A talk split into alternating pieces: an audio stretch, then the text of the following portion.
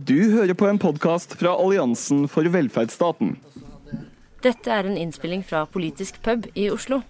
Politisk pub arrangeres av LO i Oslo, Alliansen for velferdsstaten og De facto, kunnskapssenter for fagorganiserte. Hjertelig velkommen til denne puben som vi arrangerer i lag med De facto for velferdsstaten og LO i Oslo, der jeg, Ingunn Gjerstad, er, er leder. Og vi har her på denne puben, sånn som vi pleier å ha, så har vi en podkastinnspilling. Og hvis det er noen i salen som helst ikke vil at uh, de de sier, skal komme for ettertiden, så må de gi beskjed om det til, uh, til Annika. Og så ordner hun det, sånn at hun tar dere ut. Så det tar vi vare på personvernet. Grunnen til at vi har denne boligpolitiske puben, er at det er valgår i år. Og det betyr at uh, vi nå har hatt et rød-grønt byråd i tre år. Etter 18 år med blått. Og I disse årene så har vi hatt mange Oslo-tema oppe. Og i dag så er det boligpolitikk. Fordi vi har en veldig klassedelt by, og vi har problemer med at folk, vanlige folk kan få bodd ordentlig og ha råd til det. Så det er jo sånn at vi har lengta etter en boligpolitikk. Eh, vi er glade for at byrådet ser ut til å begynne å ville gi oss en boligpolitikk. Og det skal Rasmus Reinvang, som er byrådssekretær, snakke litt om. Hvordan kan man gjenreise en sosial boligbyggetankegang? Og hvordan kan vi få prisene ned under de markedsprisene som ikke de fleste arbeidsfolk har råd til i dag? Så nå får du, Rasmus, først eh, 12-15 minutter. Skal presentere resten av panelet. Det er Maren Oddvang fra Fagforbundet Ung skal snakke etterpå. Eh, og Katrine Skåren fra Boligopprøret. Og så har vi Lars Aasen fra Leieboerforeningen. Og de vil gi oss noen innledninger først om hvordan de ser på ståa. Og så er det veldig åpent for dere i salen til å komme med spørsmål og kommentarer og sånt. Vær så god, Rasmus. Da er det deg. Da kan du jo velge om du vil stå og snakke her, eller om du vil sitte og snakke i den. Hei. Jeg heter Rasmus Reinvang. Jeg er byrådssekretær fra Miljøpartiet. Jeg jobber for Hanna Markussen, byråden for byutvikling, som har ansvaret for den nye boligpolitikken som vi har presentert her på mandag. Jeg skal komme litt nærmere inn på hva vi egentlig mener med det. Og jeg har lyst til å si litt aller først om, om bakgrunnen. Noe som sikkert mange av dere kjenner godt til. Det er jo Noen er eldre og noen er yngre her. Men i hvert fall de som er like gamle som meg, husker jo en tid hvor si, markedet ikke styrte alt. Som det jo i veldig stor grad gjør, gjør i dag. Etter krigen og egentlig helt fram til 80-tallet så var det jo veldig vanlig at det var et nært samarbeid mellom kommune og innbyggere, egentlig. Gjennom eh, boligbyggelag osv. for å få bygd boliger og rimelige boliger til befolkningen. Det var en krise etter krigen, og det var en kjempeinnsats, en, en dugnad, kan man vel nærmest si, de neste 20-30 årene. Det er klart at Man hadde jo utfordringer med areal. Hvor skal man gjøre dette? Tilgang på areal, eh, priser. Også den gang. En løsning man jo hadde da, var jo å utvide Oslo kommune og ta med seg Aker. ikke sant? Sånn at der hvor jeg bor, på Keiserløkka, Obos fra 1950-tallet, det var jo ikke en del av Oslo kommune fram til 1947, men ble innlemmet fordi kommunen trengte areal til å vokse, til å ha et sted å, å bygge. Det er jo samme utfordringen vi ser i dag også, at vi trenger jo steder vi kan bygge disse nye boligene. Og vi har enda mindre areal i dag enn vi hadde den gang. Og vi har jo en markagrense vi vil ta vare på. Det, men utfordringen er noe av de samme, og så må vi se hvordan vi håndterer det. Så skjedde jo det som eh, si, var, i for seg har vært en, en, trend, med en mer sånn markedsliberal tilnærming egentlig i samfunnet generelt, men særlig i boligpolitikken. Noe som jeg vil også vil si har blitt forsterket i Oslo. At det jo har vært et, et borgerlig byråd som i særlig stor grad, også av naturlige årsaker, har, har syntes at det var en god politisk ideologi. Så vi fikk jo da en avregulering. Et selskap som Obos ble mer en vanlig type markedsaktør. Og vi har i dag eh, i Oslo et eh, boligmarked som er et av de mest liberaliserte i hele Europa. Det er uvanlig faktisk at det er så liten grad av kommunalt eh, engasjement eh, i eh, en storby som det vi har eh, i Oslo.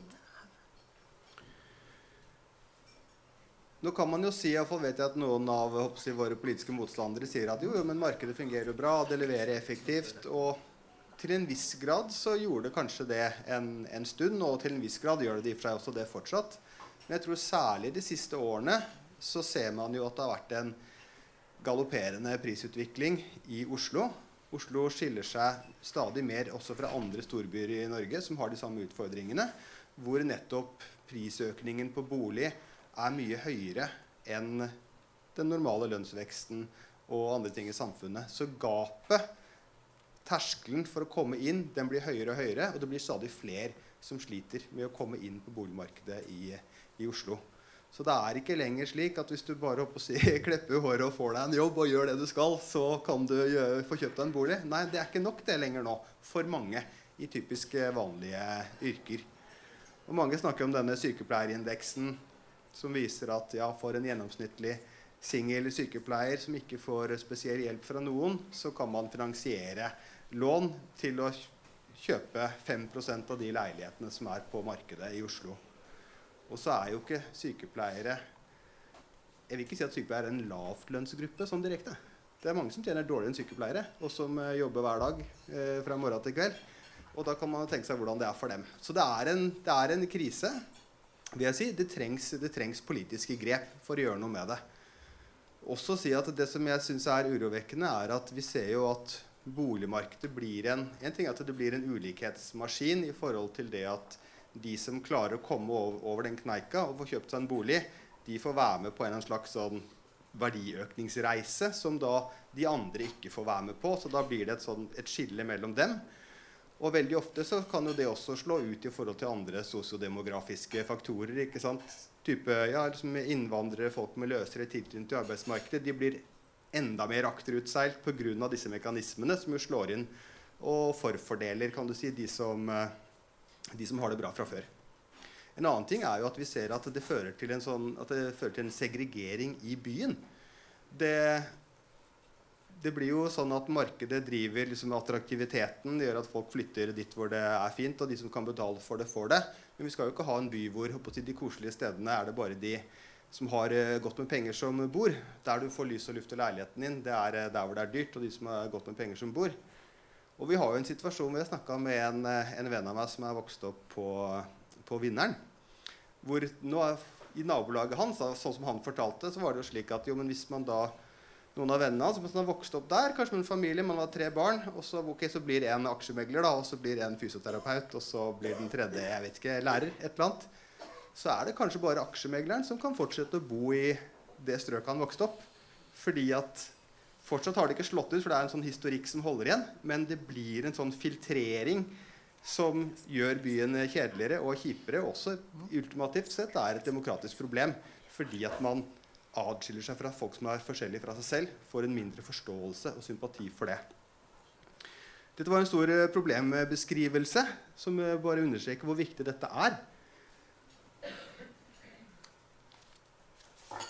Jeg må bare vise fram denne her. Dette er et veldig langt dokument, men et veldig grundig dokument som vi er stolte av. Vi har jo, som ble nevnt her, vært ved makta i tre år, tre og et halvt. Og noen sier at vi har vært veldig treige. Men en av grunnene er også at vi prøver å finne ut hva er det det er mulig å gjøre. Her har vi laget en uh, stor rapport som vi håper kan inspirere alle og mange, og bidra til uh, innsats også i Norge generelt, som viser egentlig hva slags handlingsrom fins, hvilke modeller fins, hvem er det som har gjort noe før.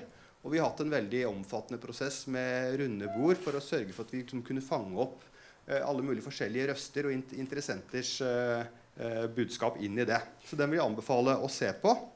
Og det er egentlig en fagrapport. Så dette er ikke vårt, vår sånn politikk. Vi skal ikke gjøre alt som står her, men dette er et underlag for at vi kan eh, jobbe videre. Og så er spørsmålet hva er det vi har gjort eller har tenkt til å gjøre. Vi har eh, nå lansert noe vi kaller en Nye veier til egen bolig. Som er et første forsøk på mange tiår egentlig på å faktisk gjeninnføre en boligpolitikk i den forstand at vi snakker om noe annet enn vanlige kommunale boliger. Så vi vil bare presisere det. Oslo kommune i dag har jo 11 000 boliger som blir eh, leid ut til eh, mennesker som av forskjellige årsaker har krav på, på hjelp og å kunne få adgang til en kommunal bolig. Og det er et system i seg selv. Det som Når jeg snakker om ny boligpolitikk, så er det egentlig å gjøre noe mer enn det. Gjøre noe utenom det, og nettopp for mennesker som ikke kvalifiserer til, til kommunal bolig, men som ikke klarer det første trinnet på, på boligstigen. Vi lanserer her eh, tre, tre, begreper, tre modeller, som vi vil jobbe med. Det ene er det vi kaller for etablererbolig. Det handler om at kommunen skal bygge bolig, og så selge dem egentlig ha delt eierskap, sånn at vi kan selge den for la oss si 80% av verdien. Eller, eller selge 80% av boligen til 80% av verdien, og kommunen beholder 20% sjøl. Da har vi kutta inngangen med 20% for, for å komme inn. Og 20% det er veldig ofte avgjørende. Det er en sånn halv million som kan gjøre en veldig stor forskjell for om du klarer å bikke over eller under. Da vil det jo si at når vedkommende skal flytte videre, må vedkommende selge tilbake til kommunen til eh, markedspris. Og vedkommende som har kjøpt, har jo da med seg verdistigningen på 80% mens kommunen beholder de andre 20 Og så kan kommunen selge den ut igjen til noen som har en fordel. Det er ganske mange praktiske ting. Nå sier jeg at vi skal i gang med piloter her. Og det er jo fordi at en opplagt fare med dette er jo at å ja, men hadde, det kan jo ikke være et uendelig antall sånne boliger. Så la oss si at å ja, men jeg var heldig, jeg fikk tak i en sånn en. Ja, men jeg flytter aldri, jeg. Nå har jeg jo fått en en bolig til 80 av, av verdien i praksis, så hvorfor skal jeg flytte? Vi må legge inn mekanismer som gjør at dette er boliger som for kan fungere i en etablererfase, men hvor det er forskjellige insentiver som gjør det naturlig kanskje å flytte videre etter fem år, syv år, når man skal over i en ny fase. Det kan ha å gjøre med størrelse på bolig å gjøre, det kan ha å gjøre med hva slags avtale man inngår. Men det er sånne ting vi må teste ut. For det blir, blir viktig at dette er et tilbud som kommer i system. Og sånn at man faktisk hjelper til å løfte en gruppe opp på det første nivået, men så skal de også videre. Og gjerne ha blitt liksom robuste nok økonomisk til å gå videre sjøl i det ordinære markedet. Så det er noen av de tingene vi må teste ut i pilotene. Hvordan vi designer dette på en måte som gjør at vi både kan fange opp flest mulig og få en sånn ikke bare som first mover takes all-situasjon, for da funker det ikke. Innenfor dette så vil vi også se på leie til eiebolig. Det er folk som kanskje ikke har råd til å kjøpe heller. Det kan være forskjellig selv om det er billigere men som har råd til å håndtere en, en eh, leie som kan være god nok. Så innenfor dette her så kan vi prøve å se på mekanismer for å gjøre det. Det kan også være nyttig kanskje i forhold til folk som bor i kommunalbolig, og som har vanskelig for å komme over i et vanlig boligmarked. Og at vi da kan bruke disse etablererboligene som en type overgangsordning, hvor man også kan få folk fra den gruppen over i det vanlige arbeidsmarkedet. Nå har vi snakket mye om, Dette er jo eierbolig, som jeg snakker om nå, faktisk, selv om det er en begrenset uh, periode med tid. Det siste er jo det vi har kalt for eh, innsats for leiebolig. Det som jo ofte er utfordring for nettopp de som skal opp på det første trinnet, er jo å kunne være, ha en trygg og god bosituasjon mens man klarer i og for seg å spare, hvis man ønsker, da, til å kjøpe en, en god bolig. Og da går det jo ikke, hvis det er så, så dyrt å leie, at du du får ikke lov til å låne 3 millioner selv om det koster deg 13 000, men så må du ut og leie en bolig til 13 000. da. Det er jo litt absurd. Sånn er det jo av og til. Men kan du få til leieløsninger som er trygge, som kommunen står for, og hvor f.eks. egeninnsats gjennom vedlikeholdsarbeid gjør at du får en lavere husleie, så får du da en situasjon hvor du har eh, bedre muligheter til å spare og kunne gå videre i det andre systemet. Så det er den, eh, det tredje konseptet som vi vil teste ut. Så neste skritt for oss nå er at vi skal ha fem pilotprosjekter hvor vi skal gjennomføre forskjellige varianter av disse modellene forskjellige steder i byen. Vi ønsker å gjøre det både i øst og i vest. Og så blir det egentlig veldig spennende etter at vi har kommet gjennom de pilotene, for da må vi liksom evaluere og si hva var det som funka bra. Ja, kanskje det var en god idé, men vi ser at det funker veldig dårlig. Hva er det vi skal skalere opp? Og da kommer jo egentlig den store store beslutningen. For det er da også det store løftet må skje. Hva vil det koste? Hvordan får vi satt av nok midler til det? Hvor, hvor, si, ja, hvor omkostningsfullt blir det å drive denne politikken? Så dette er egentlig vil jeg si, et, uh, hva sier man, et vannskille. Det er en radikalt ny kurs, men vi er veldig tidlig på den veien. Fordi at vi, det er vanskelig, det er krevende, og en innsats som skal monne, må ha ganske stor skala. Hvordan skal vi rigge oss til for å kunne gjøre det, og samtidig ja, kunne håndtere det økonomisk og, og budsjettmessig. Men det er den veien vi er på vei på, uh, på og det var sikkert, Tida mi er sikkert gått nå, er den ikke det? Du har ett minutt igjen hvis du vil. Ja, ett minutt igjen. Det er kjempebra. Nei, så uh, Jeg vil egentlig si at dette er litt en uh, læringsprosess for oss. Vi ser andre kommuner også baler litt sånn med de samme. Har noen forskjellige sånn pilotaktiviteter også, også, på gang. Vi er veldig opptatt av å ha en førertrøye på dette. Komme raskt i gang med piloter nå. Og ta grep rett og slett, for å gjøre noe med det. Raymond var jo ute og sa Han ble kanskje litt ivrig, men jo, men på sikt 20% av boligene i Oslo bør ha forskjellige typer vilkår knyttet til seg, slik at de ikke bare blir solgt på markedsbasis. Det er det som er vanlig i land som Danmark, eh, Tyskland, og det må vi også kunne få til her. Jeg tror ikke kommunen skal gjøre alt av de 20% Vi kan få andre eh, si, organisasjoner, eh, stiftelser, også gjerne private. Obos er i gang med bostart og forskjellige konsepter. Vi prøver å presse dem til å levere på dette her, men vi trenger å få en, en sånn sektor opp for at Oslo skal forbli en by ikke bare for de rike, men for oss alle, og med et mangfold. Takk for meg.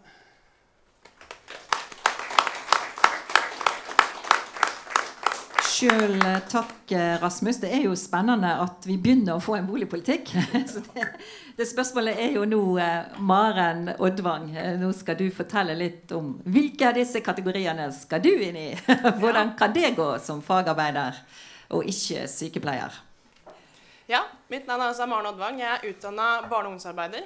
Jeg har bodd hjemme hos mamma og pappa de siste fem årene. I romjula så flytta jeg ut. Fant meg en leilighet som jeg leier. Prisen på den leiligheten for å leie i måneden er 13 500. Og det er 45 kvadrat.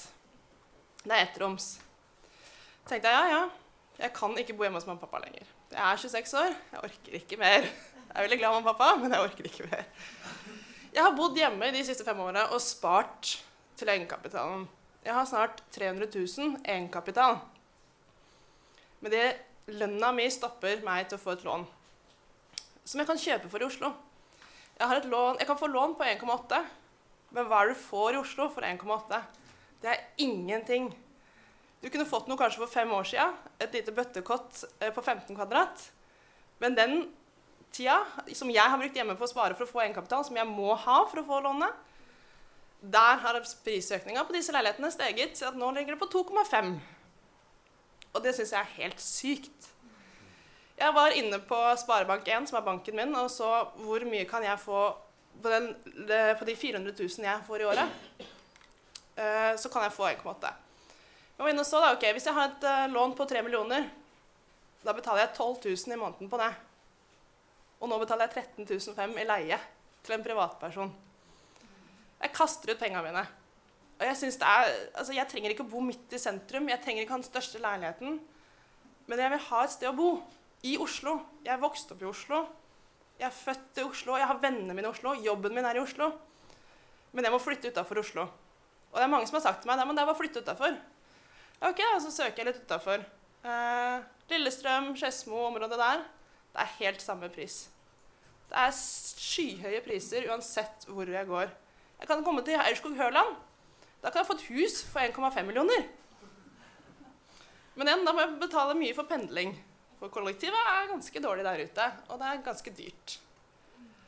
Og så leste jeg nå at uh, byrådet ønsker å gi oss en løsning på dette. Og da tenker jeg ja, yes, det hjelper å si ifra. Jeg har vært mye ute i media, og jeg har ropt, og jeg har vært framme. For det er ikke greit at Oslo skal bli en by for de rike og de eldre.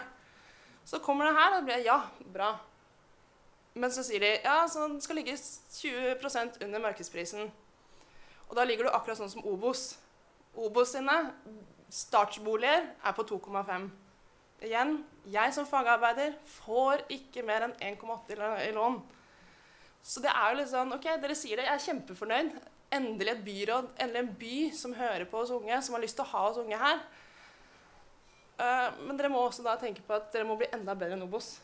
Dere må gi et bedre tilbud, lavere kjøpspris enn det Obos gjør i dag. For det er ingen unge på min alder som får 2,5 som er single og fagarbeider. Og Det samme gjelder med leie også. Det er kommunale boliger, så har dere hatt samme leiepris som det jeg betaler til en privat. For at jeg skal kunne leie kommunalt bolig, så må jeg også kunne ha den under 13 000. Jeg sitter og spiser nudler, jeg drar hjem til mamma og pappa for å få mat. Det er ikke så ille, det er veldig koselig. Men det er liksom, jeg vil ha et sosialt liv ved siden av. Og 13 000 gjør at du må tenke mer på økonomien. Du må spare inn der du kan spare inn. Uh, jeg vil ha friheten. Jeg vil ha muligheten til å bo i min egen by. Gjøre det jeg kan av tilbud som er i min egen by. Og da må prisene senkes drastisk på alt. Og jeg syns det er kjempebra at dere gjør det, for det vil regulere markedsprisen veldig ved at dere gjør dette her. Men da holder det ikke med én, og det holder ikke med to. Dere må satse på dette. Få det ordentlig i gang, og dere må senke prisene. Skal jeg komme meg inn, så må det skje. Uh, og jeg vil gjerne bo i min egen by. Jeg vil bo her. Uh, det er en utrolig flott by. Så jeg gleder meg til dette skjer, og jeg forventer ikke at det skjer i løpet av neste året. Uh, jeg vet at dette tar lang tid. Men hør litt på oss unge. Hør litt på hva er det vi ønsker i våre leiligheter. Vi trenger jo ikke de største, men hva er det liksom Kanskje ikke at badet skal være utafor, men inne. Eh, for det er mye av de leilighetene også at du må dele bad eller fasiliteter med resten.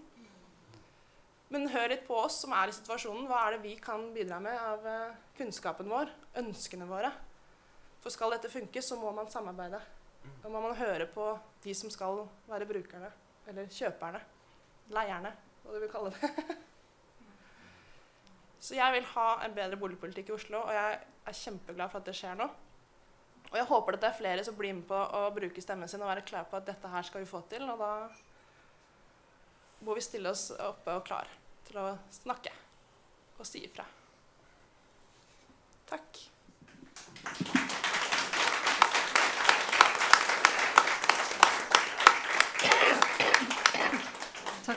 Skal du ha, Maren. Det er jo mange røster i, eh, i boligsaken nå. En av de eh, røstene vi har hørt i, i vår, er Katrine Skåren fra Boligopprøret.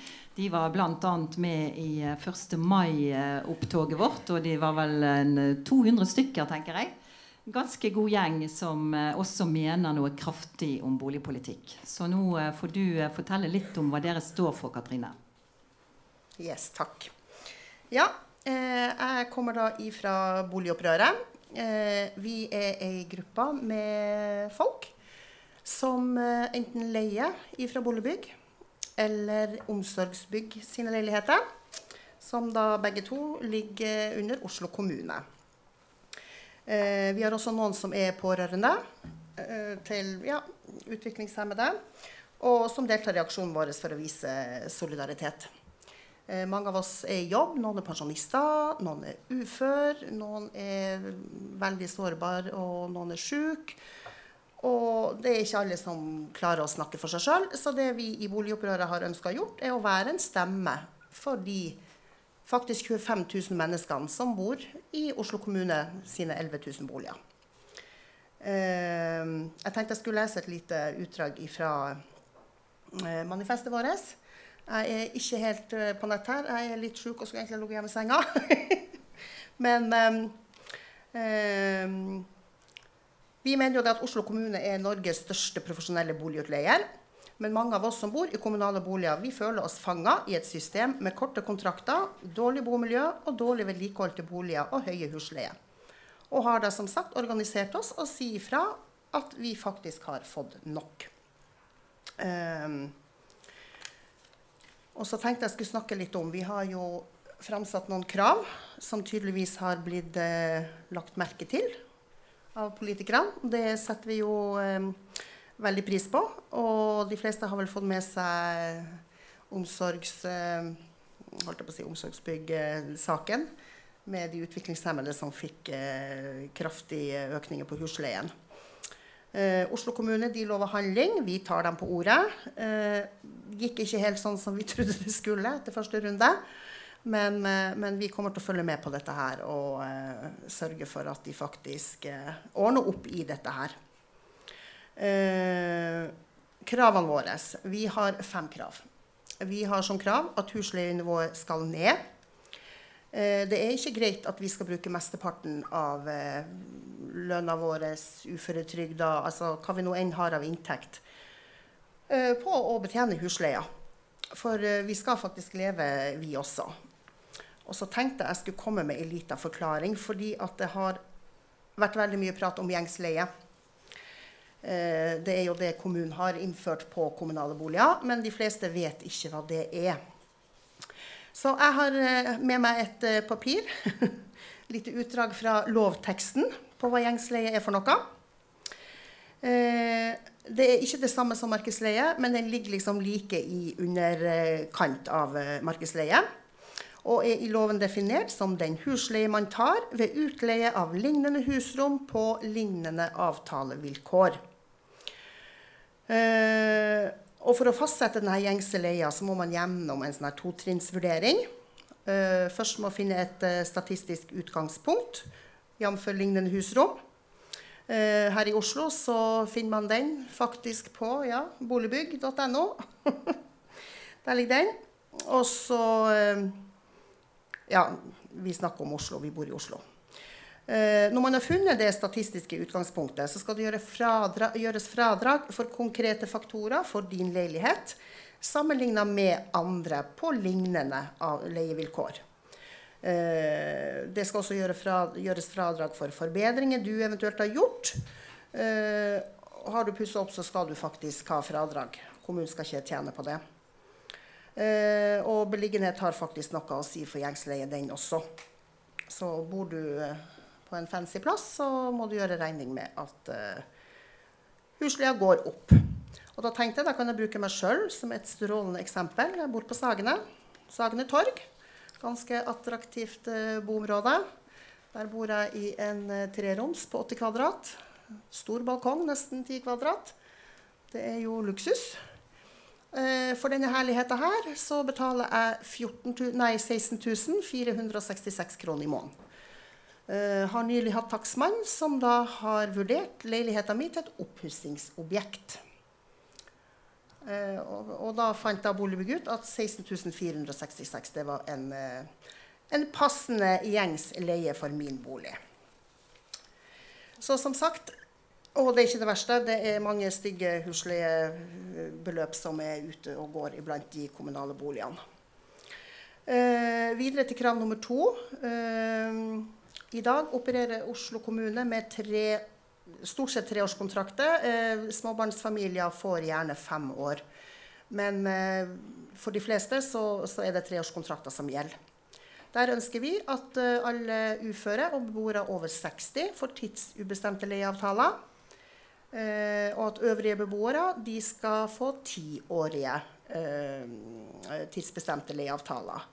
Og nå har vi nettopp fått tall som Oslo kommune sjøl har framlagt, at eh, gjennomsnittlig botid for folk i kommunale boliger er faktisk åtte til ni år. Så jeg tenker da, da er det noe i hvert fall greit å, å gjøre noe med, med, med, med tidsbestemmelsene på disse kontraktene. Eh, vi krever også sunne boliger. Eh, ikke til å stikke under en stol at i de kommunale boligene er det veldig mye dårlig standard. Eh, det er veldig mye, eller store problemer med mugg- og råteskader. Og her bor da familier med små barn. Eh, jeg vet For noen år siden på Sagene så var jeg med i et prosjekt, et EU-prosjekt som heter 'Sunne barn i sunne familier'. Og da kunne Sagene helsestasjon fortelle meg det at de faktisk kunne se altså en kraftig økning på luftveisinfeksjoner og sykdommer blant små barn som bodde i kommunale boliger pga. dårlig inneklima. Og jeg tenker det er totalt uhørt. Altså det skal ikke eksistere. Eh, krav nummer fire. Eh, konsernbidraget.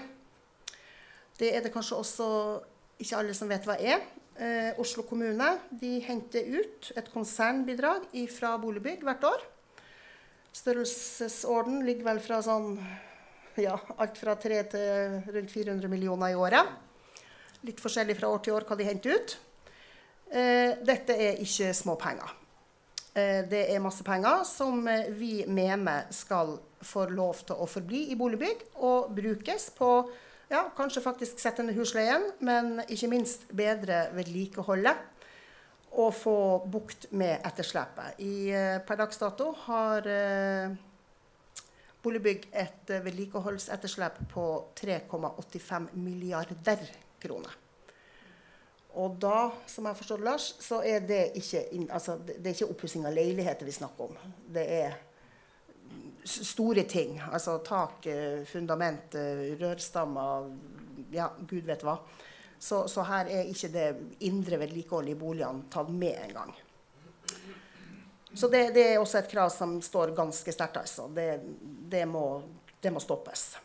Og det, skal faktisk ikke være mulig, altså, være mulig å, å, ha en sånn politikk at du faktisk skal hente ut profitt fra kommunale boliger som deles ut til de faktisk mest vanskeligstilte i Oslo by.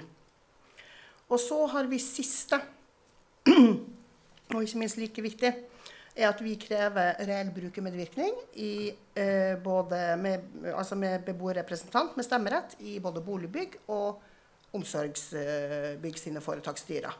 Fordi at eh, jeg tenker det at vi, vi, bor der, vi vet, og har faktisk en god del med å, å bidra med i disse styrene og fortelle dem hvor skoen trykker. Så eh, ja. Jeg tenker det Takk skal du ha, Katrine. Det er ganske ganske mange utfordringer i byen vår på hele spekteret av, eh, av, boligpolitikk. Og eh, kanskje vi må diskutere å øke eiendomsskatten og sånt. Men eh, det får vi ta etter hvert. Nå skal Lars Aasen fra Leieboerforeningen si litt om hvordan dere har jobba for den ene og den andre sektoren, hvis man kan si det sånn. Både de som bor i de kommunale boligene, og de som bor i, på det private boligmarkedet, som, som vi har hørt fra Maren her. Hva slags reguleringer må til, og hva, hva skal vi gjøre? Ja, tusen takk. Veldig hyggelig å være her. Det er alltid veldig hyggelig når vi skal diskutere boligpolitikk, og det har vi jo begynt å gjøre nå. Jeg har vært så lenge i denne bransjen at jeg har vært med på flere runder med det. Det som er nytt denne gangen, er jo på en måte at eh, nå diskuterer vi markedet og markedskreftene og innretningen og hvordan det har på en måte utkrystallisert seg gjennom de siste 40 årene. Den diskusjonen mener jeg at vi ikke har hatt så mye av de siste årene. Og jeg har vært i, i, i boligsektoren i mange, mange, mange år. Før jeg sier litt om det du ba meg om, så skal jeg bare eh, få både Maren og Katrine få meg til å tenke på en, en artikkel jeg har på jobben, altså som jeg av og til henter fram bare for, sånn, for å kose meg. Liksom den minner meg om eh, hvor viktig den jobben og den debatten vi har nå, er. Og det er fra Dagens Næringsliv. De er på reportasjereise i New York. Og Bakgrunnen for det er at de i New York har satt i gang et uh, nytt, storstilt utbyggingsprogram av uh, husleieregulerte boliger. Det er snakk om flere hundre tusen boliger. Og det kommer i tillegg til alle de uh, andre hundretusenvis av boliger som er regulerte på en eller annen måte i New York. Og så spør jo selvfølgelig da journalistene fra Dagens Næringsliv borgermesteren, som er en av de som leder dette fram, hvordan det er mulig liksom, i New York, finansielle sentrum og kapitalismens høyborg, hvordan er det mulig i det hele tatt å tenke husleieregulering der? Og så svarer da borgermesteren sin at ja, men, eh, hvis ikke vi hadde det, hvor skulle folk bo en da? Hvor skulle jeg gått og få klippet håret mitt? Hvor skulle barna være i barnehage? Hvor skulle sykepleierne bo, brannmennene og alt dette? Og det er jo egentlig det det dreier seg om. Jeg synes det er det vi snakker om nå. Nemlig at eh, hvis denne byen skal fungere, så må det være rom for alle. Og alle må ha på en måte en basic av en bolig i tillegg til en del andre ting. Da.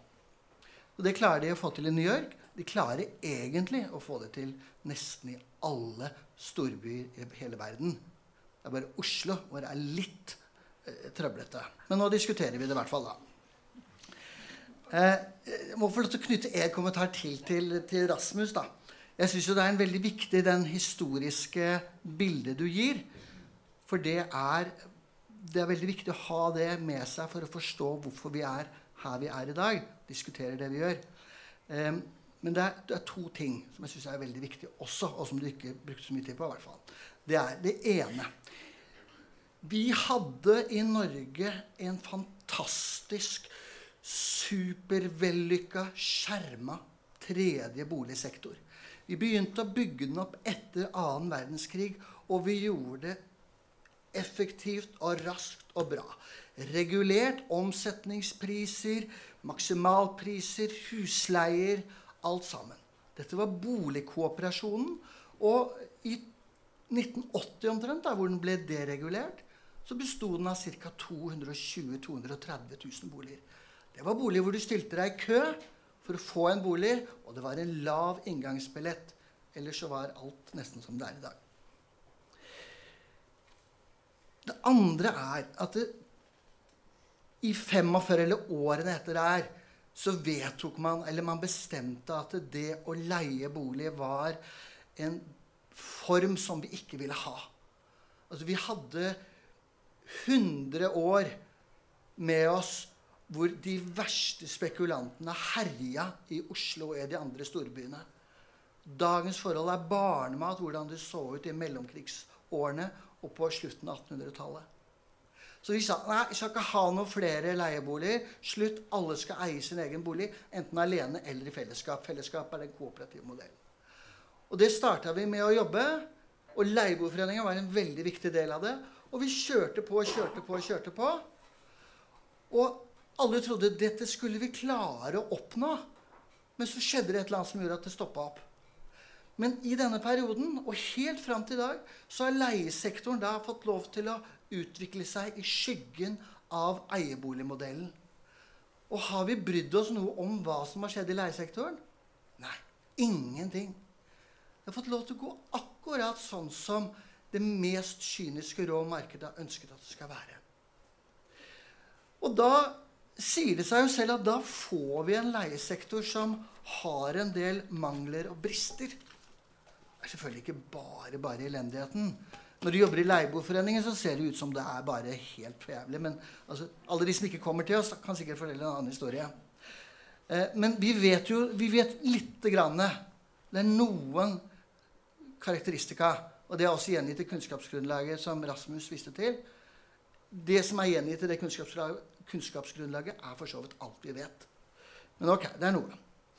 Det vi vet, er at uh, leiesektoren stoppa opp. Dvs. Si at den, slutt, den, sluttet å gå nedover fra ca. 1990. Og den har holdt seg stabilt på 20% på landsbasis.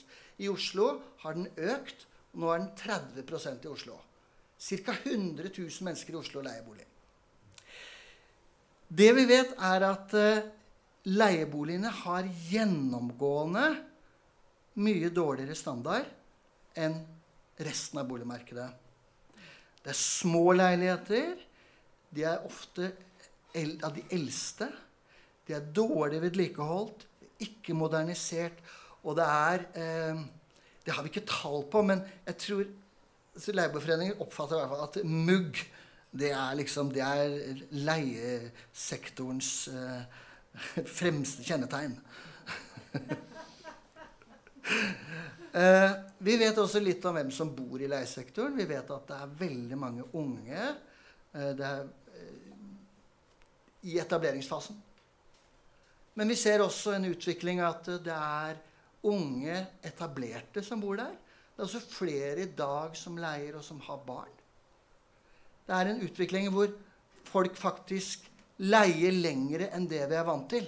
Den vanlige boligkarrieren som er liksom at du, du, leier når du studerer, og så kjøper du bolig med en gang du er ferdig med å studere, for da har du fått deg jobb, og så får du familie, og så får du bil og hund og barna og hele pakka, liksom. Men nå går ikke det. Så nå blir de boende lengre til leie. Vi vet at de som leier, har jo mye mindre trygghet enn de som eier. Det gjennomgående for alle som leier med en viss grad av profesjonalitet eller profesjonell utleier, så er det tre år.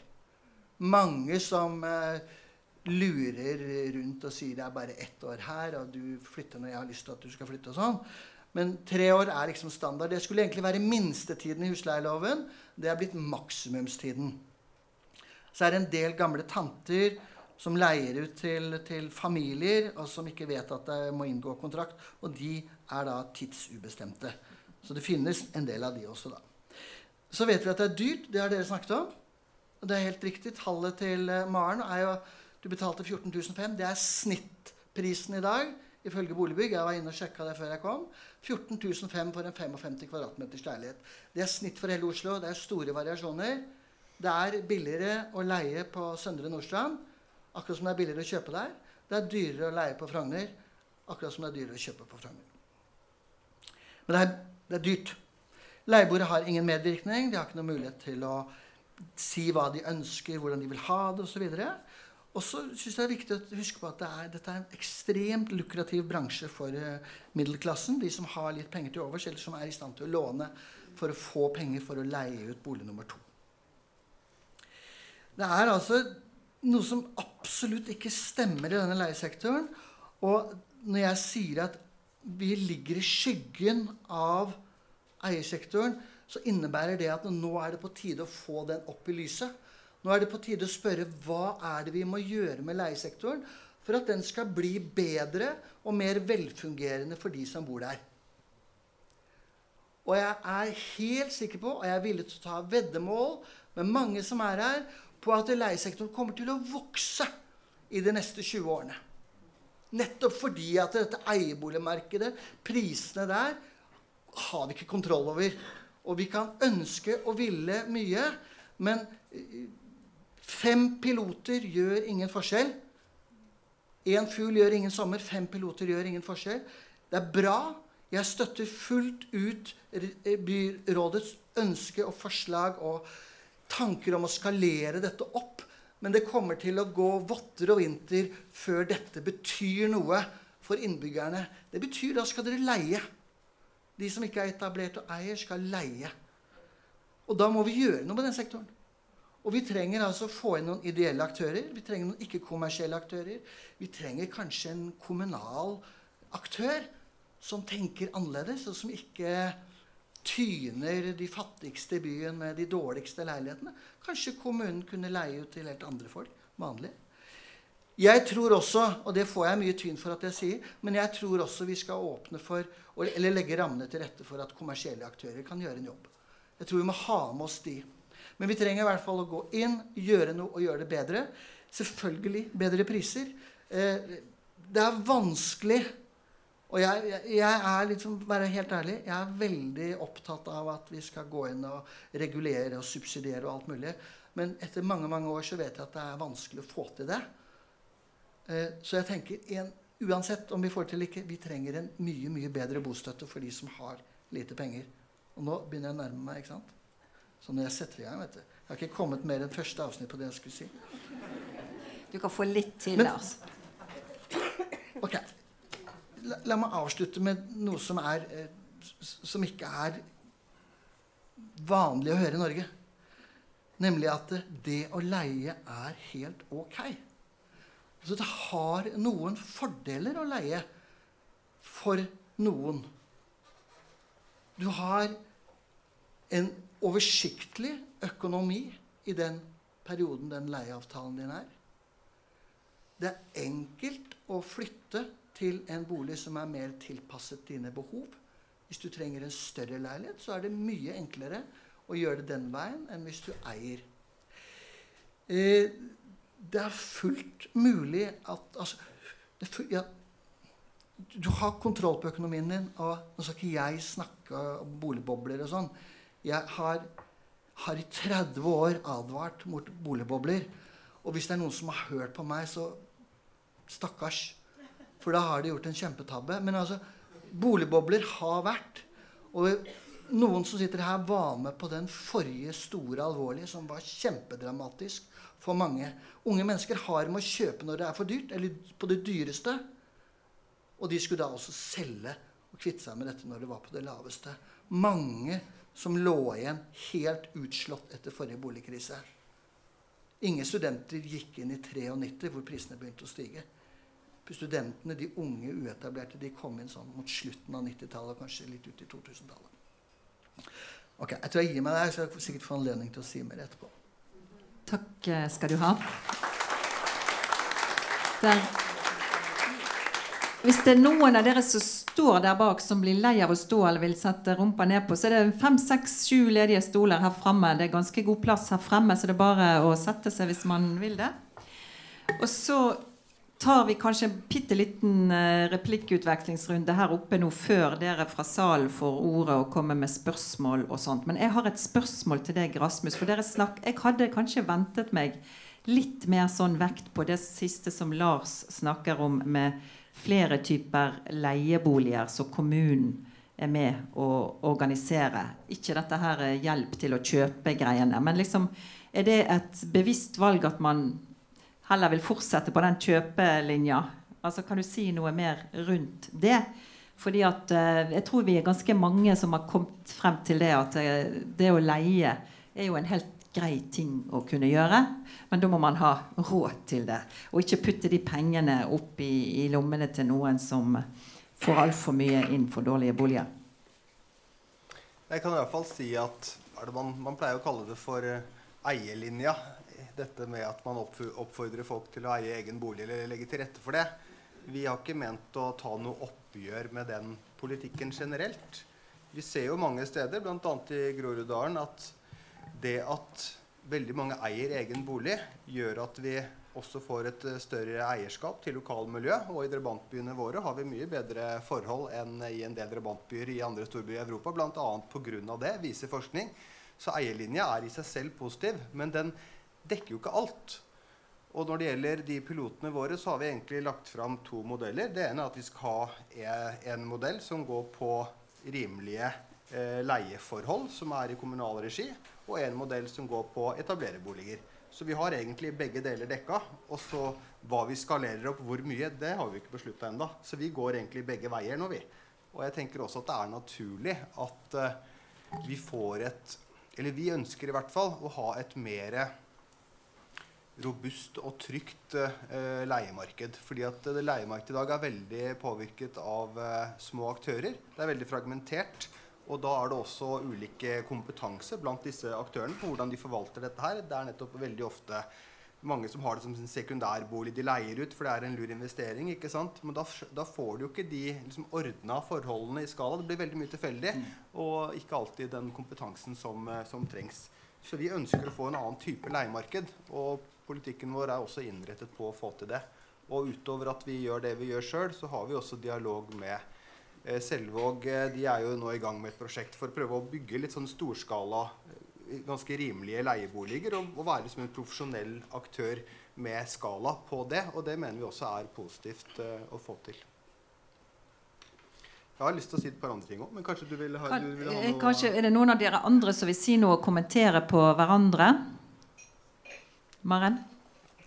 Bare, du snakka også om det på en måte Oslo vest og Oslo øst eh, for til at dere skal bygge på, satse på områdene, begge områdene. Men det er også det at eh, prislappen eh, på Oslo vest er jo mye større enn på Oslo øst. Uh, og vil du da igjen splitte byen uh, ved at ok, du skal senke prisen, men vil det da være prisen på Oslo vest dere følger? Så skjønner, skjønte du hva jeg mente? Ja. ja. Uh, for det er jo viktig at byen blir en helhet og ikke delt i to. Om at ja, jeg som fagarbeider har råd til å da, i den planen dere har, leie på Oslo øst eller leie, kjøpe på Oslo øst, men det er ikke på Oslo vest. Er det også en tanke? Uh, ja, eller slik jeg forsto spørsmålet ditt, og, ja. og det som si, mitt, mitt, svar er at uh, For jeg kommenterer også på det du nevnte med at du sa dette med at ja, men 20% er ikke nok. Nå var det f.eks. 20% er det det som, uh, vi, det som jeg sa. Så det betyr ikke at vi skal ha 20% Det kan være mer. Og jeg tror Et eksempel som er veldig relevant her, er jo det at okay, La oss si at vi har et, eh, et prosjekt i bydel Gamle Oslo. Eller, et, eh, eller, eller Alna, for den saks skyld. da, Da kan det godt hende at, eh, at 20% gjør at du kommer ned på noe som er i nærheten av det du har råd til. Eller 25% Men det er klart at vi skal ha etablereboliger i Oslo vest, i Bestumkilen f.eks. Hvis du kutter 20% i prisen på en eh, 80 kvadrats leilighet i Vestumkilen, da, er det jo, da må du jo være rik for å ha råd til å kjøpe den allikevel. Så klart skal man gjøre det der, da må man jo ta ned mye mer enn 20% hvis man skal få andre typer folk inn. Og Derfor må vi differensiere, sånn at vi klarer å få det mangfoldet i hele byen som vi skal ha. Lars, du ber om ordet. Ja. Jeg få være litt stygg da med byrådet Rasmus? Eh, det bare dere vet Jeg har vært ute og skrytt av byrådet og sagt hurra, dette er kjempebra og sånn. ikke sant? Så det vet jeg bare litt sånn for, for å erte. Men altså, jeg er usikker på om det er mulig å få til en ny tredje sektor uten å tenke seg å bruke noe særlig penger på det. da. Kan spørre Hvem er det som skal bruke de pengene? Er det kommunen, eller er det andre kanskje som skal legge noe i potten? Men hvis du ser Du får arrestere meg hvis jeg har misforstått. Altså, bolig, Veien til boligetablering, da, er det ikke den boligetablererlinjen, hvor dere skal bidra med 20% av kapitalen. Hvis jeg forstår det riktig, så er jo det egentlig et lån. Altså man, man putter penger eller investering. Man investerer 20% sammen med eierne. Det er jo ikke en kostnad. Hvis boligmarkedet går oppover, så er det en jævla god investering. Leie til eie det er en investering ved at man kjøper en bolig, og så lar man beboeren overta etter et visst antall år. Og Så kjøpe. Så det er en investering uten renteavkastning. Heller ikke noe som koster noe. Jo, forresten, økonomene sier at det koster fordi det du taper det, det. Men det er, ikke noe sånn store greier, i hvert fall. Og så er det lavere kostnader, lavere husleie i leieboliger fordi egen, man gjør egeninnsats. Eh, jeg kan ikke si at det heller koster noe. Det er jo beboerne som legger ned noe, som gjør at det blir lavere kostnader. Så litt stygt, da. Dere legger ikke mye penger i potten for eh, disse tre veiene inn i, i, boligmarkedet. Og jeg er usikker på om det er nok til å lage den endringen, den snuoperasjonen, som vi vil ha til. Jeg er klar, jeg. Ja, Da får du svare ut det, pluss de andre tingene du hadde på hjertet. En liten sekvens. Og så tegner salen seg etter hvert. Ja, veldig bra. Nei, men eh, Takk, eh, Lars. Det er morsomt. Vi må jo utfordre litt. Men jeg syns det var litt pussig at det høres ut som at det var en kritikk at det ikke kostet mer. Det er som du selv påpekte tidligere, skal man klare å skalere opp og få til noe ordentlig, da er det jo kanskje poenget å finne løsninger som ikke koster veldig mye. For ellers så klarer du jo ikke den oppskaleringen. Så jeg syns du biter deg selv litt, litt i halen med det argumentet. Og, eh, men det er klart at poenget må jo være at vi klarer å få til noe som kan skaleres opp og har effekt. Og så, hvis vi klarer det uten å bruke altfor mye kommunale midler som også trengs andre steder. Apropos behovene i kommunalboligsektoren, som har blitt pekt på her, så er jo det veldig bra. Men vi må jo se på dette her, og se om det skal kraftigere, kraftigere lut til. Og så er det jo slik at uh, selv om man prøver å få litt sånn break-even-type prosjekter, så er det jo klart at man kan jo si at ok, kommunen taper ikke noe. Jo, men kommunen binder jo opp mye kapital som vi ikke kan bruke på andre ting i disse boligene. Og det er jo et de facto prioritering bort fra andre muligheter eh, her og nå. Og så er det også slik at Vi tar jo risiko, fordi at uh, boligbobler er jo helt reelt, mener jeg. Og ikke minst igjen, selv om vi har vært heldige her i noen uh, tiår i Oslo. Jeg er jo selv halvt dansk, og min søster hun har sittet med et hus hun ikke har fått solgt i, i hvert fall åtte år i Danmark etter finanskrisa, og hvor hun endte med å selge det billigere enn det hun kjøpte det for 15 år tidligere, bare for å komme seg ut av den situasjonen. Men så var det disse par kommentarene mine. Da skal jeg være rask på det også. Jeg hadde bare litt sånn, lyst til å nyansere litt i forhold til noen av de tingene som blir nevnt. fordi at det, I forhold til situasjonen etter krigen så er jo også noe av problemet vårt, som vi har stanget veldig i, og som vi også beskriver i kunnskapsgrunnlaget, er at er veldig, vi har ikke lov til å gjøre de tingene vi har lyst til å gjøre. Vi har jo lyst til at hver eneste gang det kommer en eh, boligbygger og sier ja, vi vil bygge 500 nye boliger på Løren, så sier vi at ok, det er fint, du har funnet en stor tomt osv., men vi stiller krav om at 30 eh, av de boligene de skal uh, ha en rimelig husleie. Og så får dere finne en modell for å gjøre det, ellers får dere ikke lov til å bygge. Det har vi lyst til å si, men det får vi ikke lov til å si. Fordi at plan- og bygningsloven og staten sier at nei, dette er et krav dere ikke får lov til å stille. I gamle dager da kunne du stille slike krav. Og da kunne man gjøre mye mer. Men vi er veldig knebla av at det statlige nivået ikke tillater oss å stille denne type krav. Og Derfor må vi prøve å jobbe liksom innenfor det vi har lov til. Samtidig som jo våre folk, iallfall i mitt parti, på Stortinget, prøver å forandre på de lovene, så vi får mer handlingsrom. Og det andre er jo at man burde jo faktisk, mener jeg, og vi i mitt parti, man burde beskatte bolig på en helt annen måte i Norge. For det er jo det som er den underliggende faktoren som gjør at prisene blir så høye, og at middelklassen og de som er rikere, hvis de har penger til over, så kjøper de ny bolig. For det er mye mer lønnsomt enn noe annet du kan gjøre med de penga. Det er mye mer lønnsomt enn å investere i vindmøller, som f.eks. man burde, eller solenergi for den saks skyld. Og da er det et fundamentalt problem som egentlig driver veldig mye. Hadde man fått endra på det, burde fått et mye roligere og balansert boligmarked med en gang. Så det er noen strukturer her som er store, som man også må jobbe med. Og da er pilotene ikke nok i seg sjøl hvis ikke du klarer å gjøre noe med det. Og vi må gjøre begge deler. Og så må vi også skalere opp det vi gjør, da. Flott. Eh, da er det jo sånn at eh, nå har vi kommunevalg, og som to år har vi stortingsvalg. Det er jo lov å tenke på glupe ideer til dess også, da. Sant? Nå skal jeg ikke presentere de jeg kan navnet på, men det gjør dere sjøl, både de jeg kan navnet på, og de andre. Vær så god. Jeg heter eh, Lars eh, Oma, eller Lasse Oma, og eh, jobber innenfor eh, i, i, eh, med, Ja, jeg jobber i et bydel Bjerke. og i alle fall, eh, det, det, som er litt sånn opptatt av her, det er jo at eh, man sier at man har endelig kommet i gang med en boligpolitikk. Og jeg oppfatter vel egentlig at Høyre har drevet en boligpolitikk òg. Eh, uten at jeg vil si at det er, har vært noe prisverdig, det de har, har funnet på. Men det, vi, det, det, som ikke har vært nevnt, er jo at vi trenger faktisk en sosial boligpolitikk.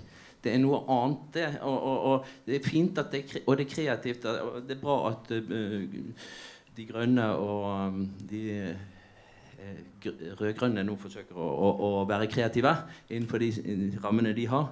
Men vi må jo utfordre dette, og da trenger vi et, et boligopprør som virkelig utfordrer spekulantene. Og det er det jeg har jeg savnet litt her. At, at, du var inne på at Før krigen var det en del spekulasjonsøkonomi i bolig. Men det er jo definitivt inne igjen. Og eh, som det også har vært sagt her, sant, det er jo der det nå er verdiøkning. Det er i bolig.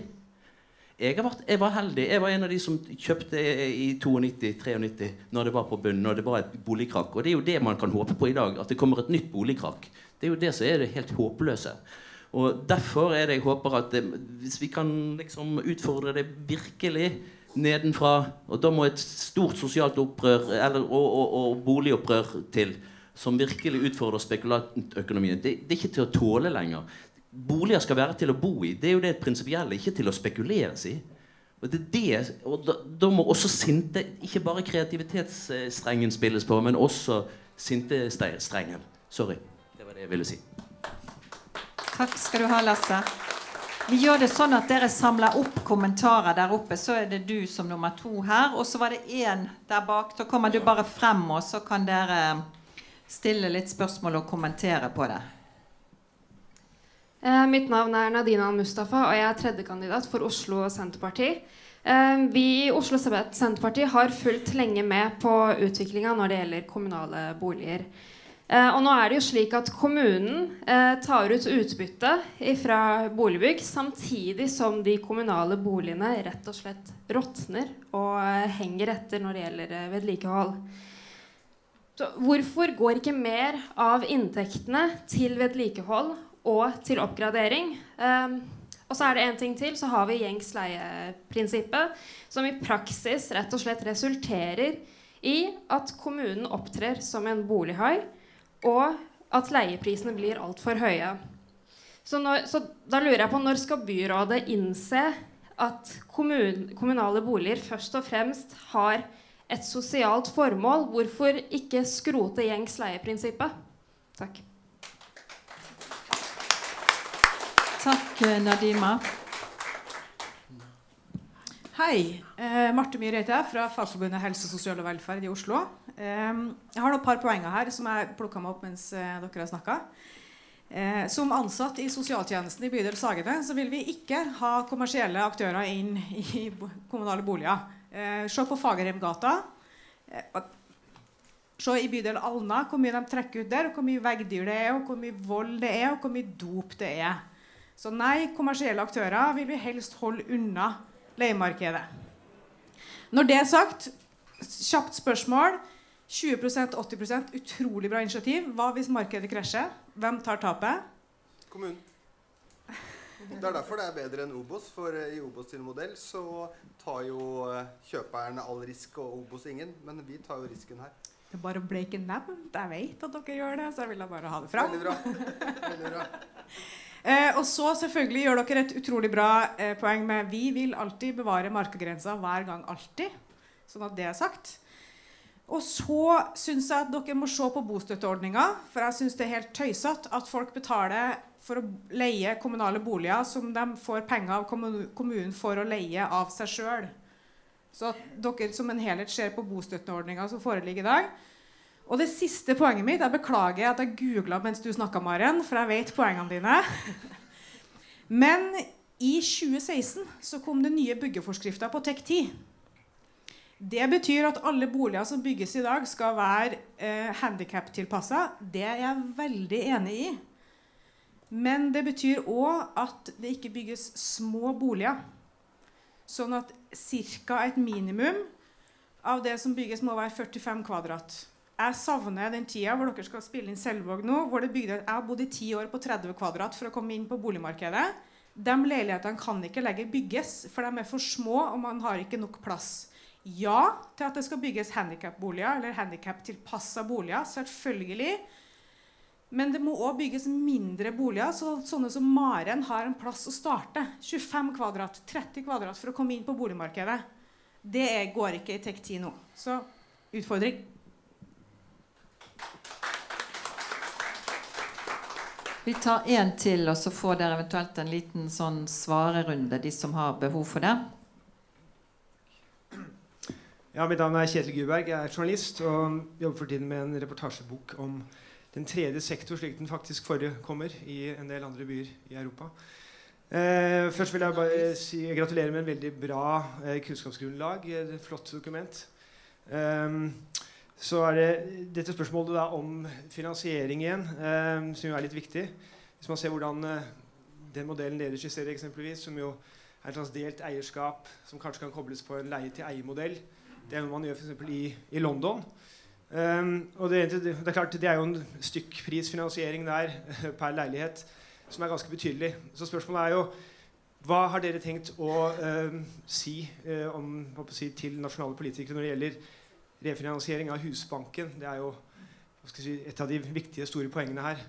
Um, og her må det jo legges klare føringer på at skal man få til dette her, for å få den terskelen ned akkurat som du snakket om, under 20 og ned mot noe som kan kobles uh, til lønn og ikke til kapital, nemlig sånn som man har gjort i London, setter en grense. Ok, ingen skal i prinsippet bruke, altså man, skal kunne, uh, man skal kunne leie til en tredjedel av gjennomsnittsinntekten uh, lokalt.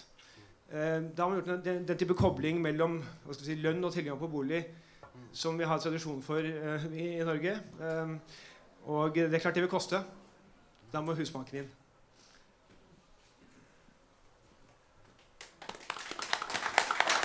Vil eh, dere som fikk spørsmål, det var kanskje mest du, Rasmus, eller dere kan kommentere litt i tur og orden på dette som kom nå? Hvem skal begynne? Du, Jeg vil. Eh, eh, veldig bra. Tusen takk. Um, okay, la meg bare si det med en gang. Jeg eh, jeg jobber jo med det, den nye boligpolitikken. Jeg jeg kan ikke så veldig mange detaljer om eh, boligbygg osv. Så, videre.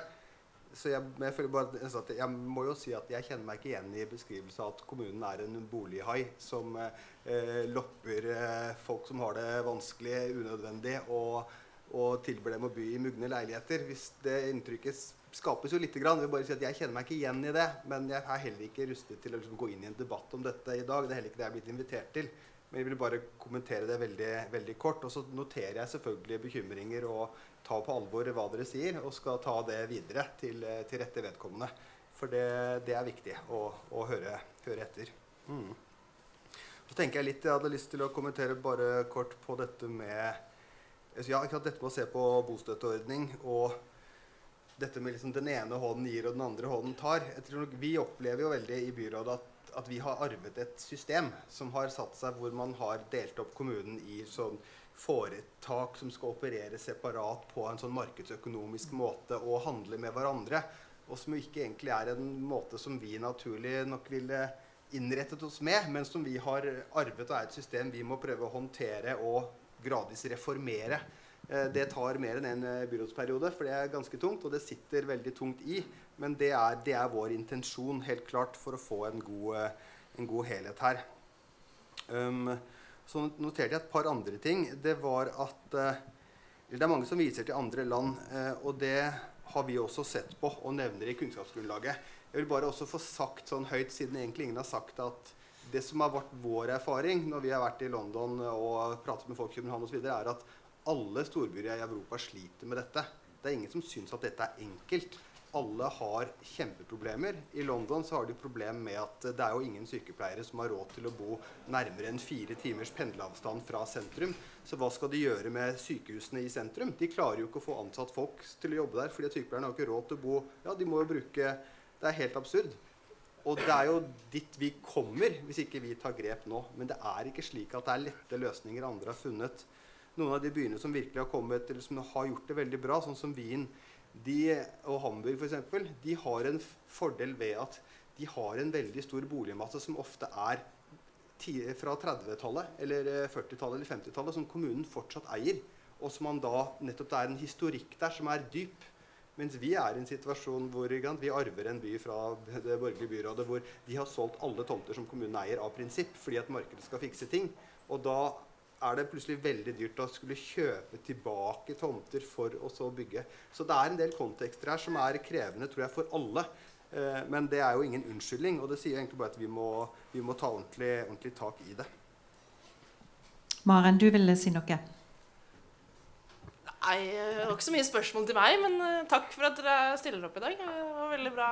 Og jeg er veldig enig med du fra som med, Jeg husker ikke helt hva du heter, men ja. Kjetil. Uh, ja, ja, hvorfor ikke tenke på inntekten, hva man har råd til? Uh, kanskje det er en løsning. Jeg har råd til det. Kan, det er det jeg kan bidra med i forhold til leia mi. tenker jeg er en veldig god løsning.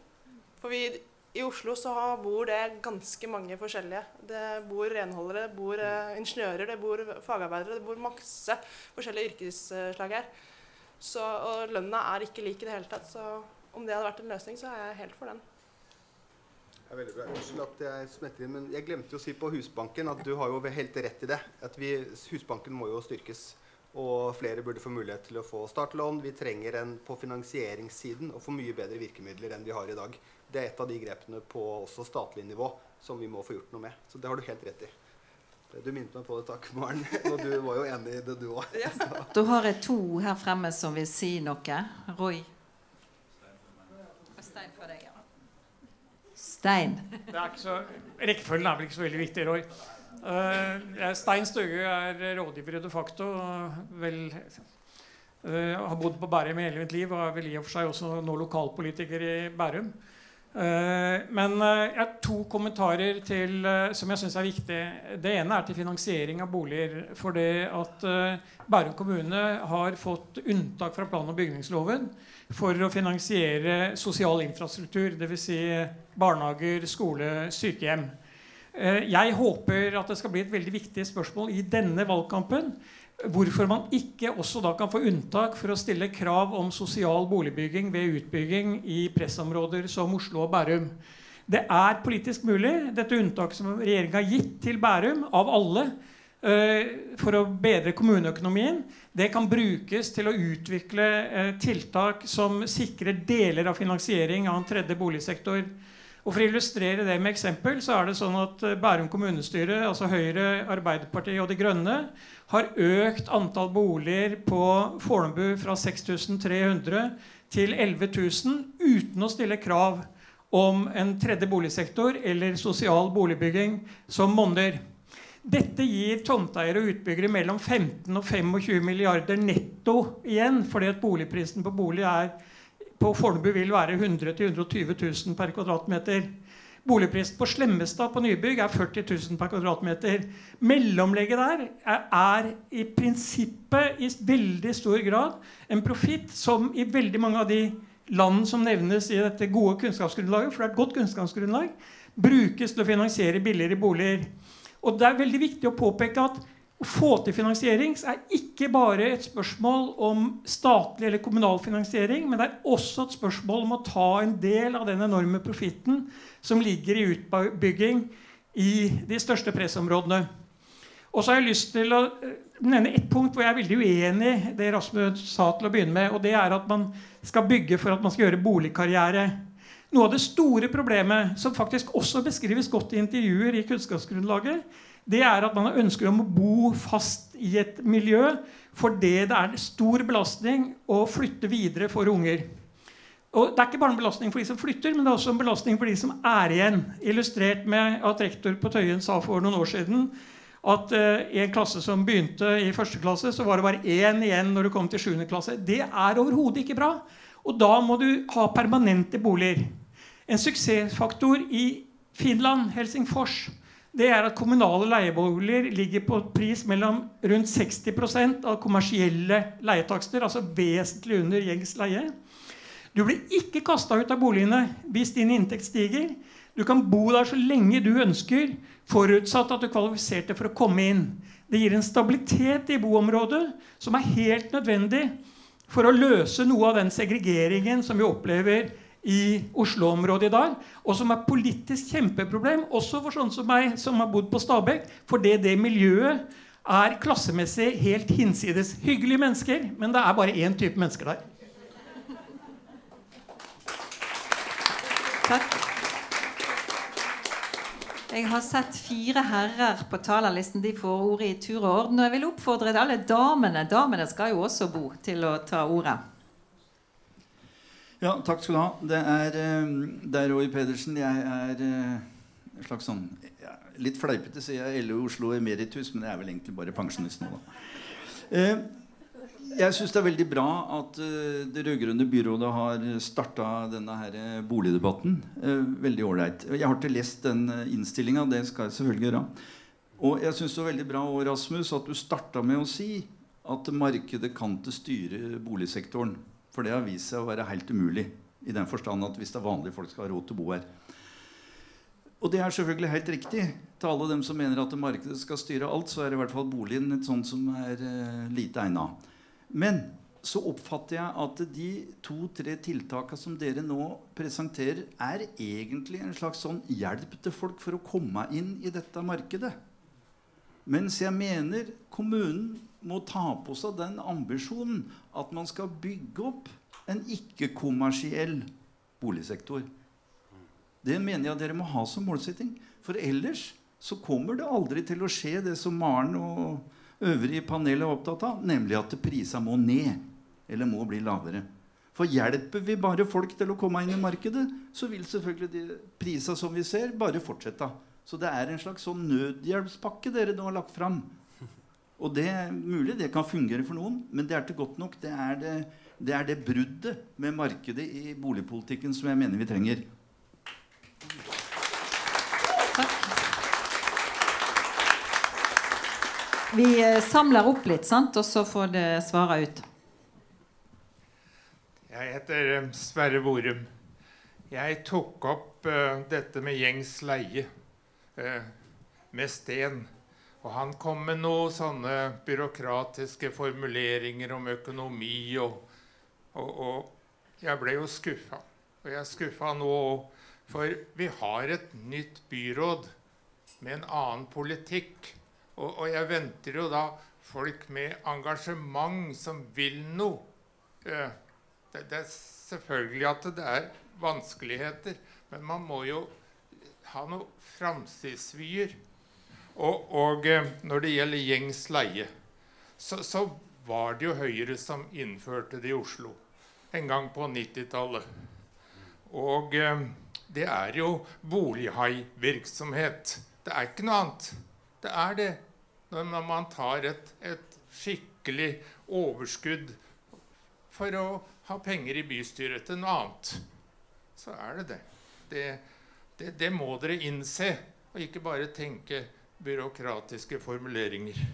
Så må det kunne gå an i den sammenhengen å finne ut hva koster disse boligene å drive de, og hva koster det å få en skikkelig oppgradering eh, til disse boligene, så det er gode boliger å bo i.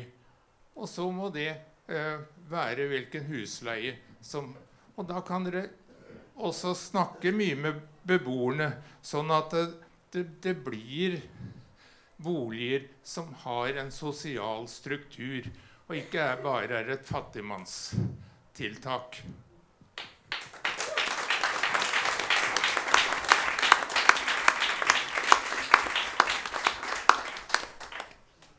Ja, vær så god. Jeg heter Einar Hagnes. Ehm, jeg er aktiv i organisasjonen Attakk, og der er vi en liten gruppe som ønsker å få flere med på å jobbe for ikke-kommersiell boligbygging. Kan vi begynne å bruke det ordet? For det er faktisk eh, der det ligger. Og det er som du sier, det, er, det holder ikke bare å hjelpe folk inn i markedet. Og jeg synes Jeg skal komme med et forslag til slutt, men jeg synes at det er underlig å si at man skal vente og oppsummere effekten av leie til eie. Det har vært brukt i kommuner rundt omkring i Norge. Det er ikke noe nytt. Det er ikke noe vanskelig å se åssen det fungerer. Og det gjelder det at folk skal gjøre en egeninnsats i heimen sin. Det er heller ikke så veldig vanskelig å finne ut at noen steder går, andre steder går det ikke. Det tredje med den 20 %-modellen for å hjelpe folk inn på markedet Ok, det er interessant. og kanskje der de skal gjøre ting sammen med Svelvågbygg og andre aktører. At de skal gå inn på og kjøpe det inn i markedet. Men det var altså dette ikke-markedet. Og da er det sånn at det, de erfaringene fra Wien og Zürich er jo at eh, de må få også folk med på å starte boligkooperativer. Man må hjelpe i gang initiativ. Det kan man gjøre i det små. Der foregår det i veldig stor skala. Men altså ikke-kommunale. Men altså det finnes selskap som heter selskap med begrenset profittmulighet. De får bedre lånebetingelser. De får subsidierte tomter.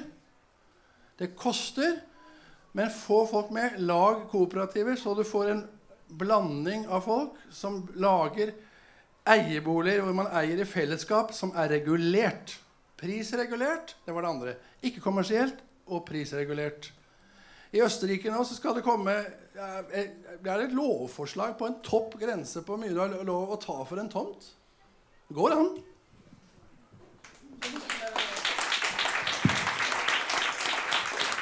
Går det greit at vi bare fører på noen til her før dere får svare ut? Takk skal du ha. Roar Eilertsen er daglig leder i De facto. Og um, vil for så vidt sånn, ta tråden litt oppover fra Atak og fra Roy.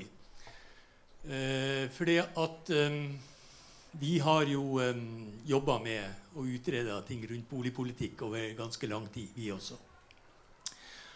Og vi har vært ganske frustrert over at eh, dette byrådet som kom inn og skulle være en frisk vind fra 2015 og hadde en formulering om at de ønska å utrede en tredje boligsektor. Nå når det er et halvt år igjen av perioden, kommer med noe som etter mitt syn er et mageplask. Altså. Det er så puslete. Det er ingenting i dette som bryter med markedsmekanismene eh, og markedskreftene i boligsektoren. Og det om det var veldig naivt å vente at det skulle komme når det er mulig. Altså. Men eh, det er faktisk mulig. Det har vært peka på andre byer som har erfaringer med å gjøre dette. Vi har eh, eh skissert en modell hvor du eh, har et, eh, en regulert sektor. Hvor du gjennom et forholdsvis enkelt grep kan eh, fjerne hele hovedinnvendinga til markedsfundamentalistene om at all regulering vil bety svart boligmarked. Hvis vi har en modell hvor eh, det, den som får tilgang på en subsidiert bolig som en har mulighet til å håndtere eh, kostnader på og få et sted å bo, Hvis det er et eh, boligbyggelag eller et indre boligbyggelag i et boligbyggelag som har en andel av det totale leiemarkedet, eller eh, antall boliger, så vil en modell hvor denne, dette indre boligselskapet har gjenkjøpsplikt, være det som eh, nuller ut hele svart eh, eh økonomiproblematikken. Du vil ha en mulighet da til å kunne kjøpe en bolig til en pris som er, som er håndterbar for vanlige folk. Du, får, du, kan bo i den boligen hele livet ditt hvis du vil. Du kan bo, uh, flytte ut derfra i morgen hvis du vil. Du får På det tidspunktet du flytter ut, så får du tilbake de pengene du eh, kjøpte for, regulert for prisvekst i løpet av perioden du har hatt den. Dette er en modell som fungerer i praksis en rekke steder allerede i dag. Også i Norge, i små eh, holdt på å si, ideelle eh, sammenhenger. Og eh, at man kommer nå med det som skulle være liksom, eh, det rød-grønne taket for å ta tak i problemene i boligsektoren. Og så ikke har med noen ting i denne retning, men gjør litt flink altså, eh, Men innafor. Jeg er frustrert over dette. det må jeg si. Men ok, det, det var det vi fikk. Jeg har et siste spørsmål til disse som skal eh, hjelpe å pusse opp sjøl. Hvis det er noen i dette eh, systemet som leier, og som får bostøtte eller eh, noe sosialstøtte for å klare boutgiftene sine i det, denne delen av leiemarkedet Og hvis de da får ned leia, betyr det i neste omgang at de får mindre i bostøtte? Altså er dette en, en subsidiering egentlig av uh, for å senke det offentliges bostøttekostnader. Hvis dette skal være noenlunde seriøst, så bør dere gjøre en kalkyle av hva er det verdt. Og så bør det, den verdien settes inn på en depositumkonto som vedkommende som leier, og som gjør en sånn innsats, får de pengene tilbake når en flytter ut, og har dermed nå igjen også økonomisk for det. Ellers så syns jeg det er et forslag som nesten ligner på juks. Takk. Da har jeg sett to stykker til, jeg, eh, som har bedt om ordet her nå. Sant? Det blir deg siste, da. Så har vi en der nede. Du har bedt om ordet hele tiden. Ja, men da eh, har jeg ikke sett deg. Vær så god, Fausi. Fauzi Adem heter jeg. Jeg er eh, fra Handel og Kontor. Jeg har følt samme som deg. För jag gick från Sverige i 2009 när jobben försvann med en leje på 4500. Då var det en fjärdedel av min lön i en kommunal bolig. Kom till Norge och tänkte här ska jag tjäna pengar för att flytta tillbaka hem. Kom in i lejebomarknaden, fikk fick ett kontrakt med Fredensborg, tror jag de hette. 13 000. Det var mer än halvparten av lönen som gick till, eh, å leie. Og det går jo ikke når du skal spara penger. Så jeg måtte flytte inn til noe nytt. Jeg har bodd alene siden jeg var 19 til 25. Det var da jeg flyttet til Norge. Jeg måtte flytte inn til et kollektiv, bo med andre for å få livet til å gå rundt. Og jeg sa at jeg også er tillitsvalgt. Jeg er tillitsvalgt i en bedrift, Ikea, med veldig mange deltidsansatte. Så når jeg leser sånn sykepleier 500 000, det er ikke den virkeligheten jeg kommer fra. De har knapt 200 000, mange av dem. Og for dem å komme inn i dette markedet, det går ikke. Så det er mye sosial uh, i Oslo, men det er også mye fattigdom. For jeg mener sånn, Hvis du ikke har råd til din egen bolig, så er du i prinsipp fattig. Det er alltid kapitalet som tar pengene. Og det hjelper ikke med bostadsbidrag. Det hjelper ikke. Og Leieboerforeningen, der tror jeg faktisk vi behøver en større regulering. I Sverige så er det Leieboerforeningen som forhandler fram leie. Det er et partsforhold. Så jeg ønsker at hvis man skal være radikal Oslo kommune, da skal man opprette et partsforhold med Leieboerforeningen, der man er likeverdig part, omtrent som en fagforening. Der de forhandler ut ifra standard, vedlikehold og annet. Takk.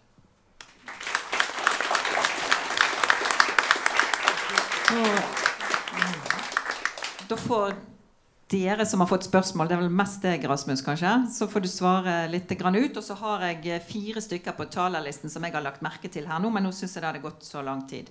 Og så veit jeg ikke Vi har sagt til 1930. Jeg er faktisk litt usikker på om de kaster oss ut her 1930 som fysisk. For meg er det greit at vi går ti minutter over tiden. Jeg vet ikke hva det er for dere andre, men jeg har prøvd å være snill og la alle komme til orde. Svar litt du, Rasmus. Ja, um, skal vi se her. Jeg prøvde å notere litt. Um, Stein Stugu, uh, du har også vært litt involvert i kunnskapsgrunnlaget, så takk for, uh, takk for det. Uh, vi er jo veldig opptatt av å, eller interessert i å pushe grensene og se vi, hva vi kan få av unntak for å stille de kravene som gjør at vi kan få flere rimelige boliger. Så det er noe vi jobber med å følge opp på. Det kan jeg si. Og så bare kommentere at du nevnte Du sa at eh, Ja, jeg er helt enig at det er veldig viktig når man tillater mer utbygging og, og gir en profitt gjennom at man regulerer mer byggeri, at man må sørge for å få en god del av den profitten tilbake til fellesskapet. Og det gjør jo vi. For vi har jo en eh, aktiv politikk for uh, grunneierbidrag, hvor vi jo stiller krav nettopp når vi øker verdien, om at man da skal betale mer tilbake til offentlig infrastruktur, typisk. Vi skulle gjerne stilt krav også om rimelige boliger, men det får vi ikke lov til av staten. Vi får lov til å si at ja, dere, kan, dere skal bygge så og så mye på Filipstad. Da må dere være med å betale for uh, park, for uh, lokk over E18 osv. Det har vi lov til å si, men vi, får ikke lov til å stille krav om en andel uh, sosiale boliger, dessverre. Og så bare på det du nevnte med Du sa ok, prisen er 40 000 kvadratmeter på, på Slemmestad, var det vel du sa? Men jeg tror å bygge en ny kvadratmeter koster 70 000. I, i dag iallfall er det de tallene som de bruker. Så det er jo det man må se på, kostprisen for, for å bygge.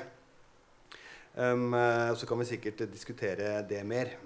Um, også i forhold til dette med boligkarriere som ble nevnt det, Boligkarriere, når, når jeg bruker ordet, så jeg mener jeg ikke det at folk skal flytte hvert tredje år og være tvunget til å gjøre det.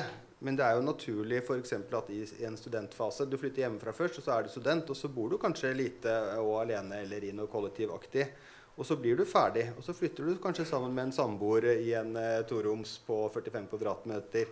Ok, Og så får dere et lite barn eller to. Og så, når de barna skal begynne på skolen, da får du lyst til å flytte et sted hvor du har plass til at de kan få hvert sitt rom, for nå er de store nok. Men så skal du gjerne kunne flytte til et sted hvor du da kan bo og at det fungerer helt til de barna flytter hjemmefra. Så du har stabilitet i forskjellige faser. Men igjen da, når, er, når barna flytter hjemmefra, da har du et annet behov. Jeg har selv en svoger i København som det er min, eh, min søsters manns foreldre. De, de, de, fikk jo tre barn som alle har et navn på T. Veldig morsomt. Tobias, Theis og Tinus. Og de har en sånn femromsleilighet i, på Fredriksberg i København. Som jo er har rimelig leie. Men nå har jo, det var jo helt perfekt og passende den gang det var tre barn i huset. Men de barna de har jo flyttet ut av det huset der for 15 år sia. Men når de sitter med den lave leia og den fete kåken, de flytter jo ikke ut, de to der. vet du. Og det blir ikke riktig. Da er det noe med at hvis, blir, hvis, man subsidierer en leie der, da må man også på en måte gi videre til de som har det naturlige behovet, og ha mekanismer for det. Ellers så, ja, ellers så blir det urimelig, rett og slett. Eh, I forhold til Roy ja, en ikke-kommersiell sektor. Jeg er i og for seg enig i det, men jeg tenker jo også at det at kommunen kan ikke gjøre alt. Jeg tror ikke det er eh, bra heller. Og man må ha et uh, mangfold. Det at vi kan, jeg tror Hvis man får gjort mye med noen av de overordna strukturelle sånn grepene, så blir det en mindre opphetet marked med lavere priser eh, generelt det å si at vi skal, vi skal, få til at alle befolkningen skal bo i en kommunalt styrt uh, bolig i løpet av de neste 20-30 årene, det blir, veldig, det blir, på en måte veldig utopisk. Det viktige blir at vi får endret markedet så det blir rimelig, og at vi har et supplement til markedet som gjør at alle har en mulighet. Det er iallfall slik vi ser det uh, realistisk på kort sikt. Og så noterer jeg meg innspill på gjengs leie. Jeg må bare ta det med meg videre. Eh, hva som blir eh, meldt eh, på det, rett og slett. Også i forhold til du som nevnte at vi trenger jo ikke teste leie til eie. Vi vet jo at det fungerer. Jo, men det vi skal teste, er jo hvordan innretter vi disse ordningene på en måte som gjør at de riktige får tilgang til det, og at vi gjør det på en rettferdig måte. For det er klart, dette vil jo være et tilbud hvor etterspørselen er veldig, veldig høy, og hvor det er veldig viktig at de tilbudene treffer de som virkelig trenger det. Og at ikke folk som Jo, jeg kan egentlig godt kjøpe meg en leilighet, jeg. Men jeg har mer lyst til å bo på de der pilotprosjektene i Oslo vest for den samme prisen fordi jeg er på en måte fetere. Men jeg kan egentlig få en grei leilighet for meg et annet sted. Det er jo ikke de vi skal treffe. Så vi må sørge for hvordan innretter vi dette på en måte som gjør at vi treffer de riktige. Og så er det flere kriterier du kan legge inn. Det kan være, det kan være lønn, det kan være si, alder, eh, etablererfase. Det kan være kriterier om hva er det man trenger i nærmiljøet. Vi har bydeler hvor det er gentrifisering. Vi ser ressurspersoner ikke har råd til å bli boende der. Kanskje man skal ha kriterier som sier at bydelen skal være involvert og sier vet du du tjener ikke så mye, men du er fotballtrener. Du er veldig viktig for oss, og derfor vil vi at du skal ha en mulighet her. Det er veldig mange forskjellige måter å gjøre det på. Og vi ønsker å teste ut en litt sånn bred vifte og kunne ta de beste erfaringene videre. Uh, ja, jeg tror jeg må stoppe der. for det... Ja, eh, det høres ut som det kan bli en byråkratisk jobb, egentlig, med mye, mye vurderinger. Så vi får håpe vi finner på noen smarte ting. Um, uh, hi, I'm Justin. I'm construction worker from Poland. And uh, I got a question according to this. Uh, because uh, probably we are, we are the reason of high prices of rent also here. Yes, so, so we are rather invisible, you know, living in the basement. And uh, this is our housing environment. So my question is uh, if you have noticed uh, the problem of uh, housing of the migrant workers, especially the, um, especially the um, migrants who, who working here, I mean, from Eastern Europe. Yeah. Mm-hmm. And the uh, second thing is because I, I have read this uh, report of Steinstugel, and as I remember, there is, uh, of course, the problem of the housing bubble and uh, the problem that prices are not uh, corresponding to. Sorry, I'm, I'm not used to public speech. So, uh, so there's there's problem that uh, the prices are not connected to, to the real cost, costs of maintenance of the housing. So uh, I wonder if there is something like a public dat database for all uh, buildings. I mean, how much the real cost of maintenance is. I'm, I'm asking because uh, such thing was for all buildings, for example, in Kiev, which is quite a big city in Ukraine. Yeah. So, so this is the idea that maybe in the quite uh, transparent uh, place like Norway, this is a good start to uh, remind what, what the real prices of uh, maintaining is. Thanks. Interessante tanker. Vær så god. Ja, det er Knut Yrvin her. Og jeg skal nesten beklage å si jeg er i Arbeiderpartiet. Eh, så skal jeg bare gi en sånn kort, veldig kort bakgrunn, og så skal jeg komme med noen forslag. For eh, det er jo, det er jo under Willoch eh, det ble boligmarkedet har blitt sånn som det er blitt i dag. At man må ha åtte ganger eller syv ganger årslønn. Som Maren Seks har du klart å få det til, ja. Ja, da er du flink. Fordi eh, det når, når, jeg vokste opp, og før det, så var det to ganger årslønn. Og det betyr jo det at eh, hvis du skal inn i boligmarkedet i dag i Oslo, så vil du sannsynligvis med din bakgrunn og hun som er fremmedarbeider, hun vil ikke bo her annet enn å bli tømt lommeboka av de utleierne som det markedet ble etablert av for å tjene finans bransjen og eiendomsbransjen som omtrent ikke betaler skatt. Og når de selger leiligheten, så koster den dobbelt så mye i utpris som det koster å bygge den. Det vet vi. Og jeg er ingeniør, og vi kan masse triks. Så vi kan de der egentlige regnearkene, og ikke de regnearkene dere får se når dere kjøper. Og grunnen til at jeg sier dette her, at vi starta å bråke om dette her i 1995. Vi skrev som studentpolitikere boligpolitisk program. Og vi, jeg skrev storbypolitisk program sammen med Jan Bøhler og flere andre for å få flere boliger. Så det at eh, byrådet i Oslo jobber med det, er fordi at jeg har vært med på å lage politikken. Og jeg er slett ikke fornøyd som arbeiderpartipolitiker. Jeg er misfornøyd med tempo. Jeg er misfornøyd med at det er dobbel pris for deg. Og det er fordi Og nå kommer det, og her kommer trusselen. De som har grått hår her, vi får ikke eldreomsorg. Vi får ikke barn i barnehagen, for det er ikke lærere som vil bo her. Og vi får ikke bygd de nye husa, for polakkene har ikke, lov til å bo, har ikke råd til å bo her. Og det er det store løftet vi må gjøre noe med. Og det er mye større enn Oslo. Og nå kommer det. Det er Willoch som har vedtatt det. Og da må dere komme dere ut og stemme noen rød-grønne politikere ved neste valg. Og ikke sånn som dere har gjort nå, og stemt på de blå. Takk!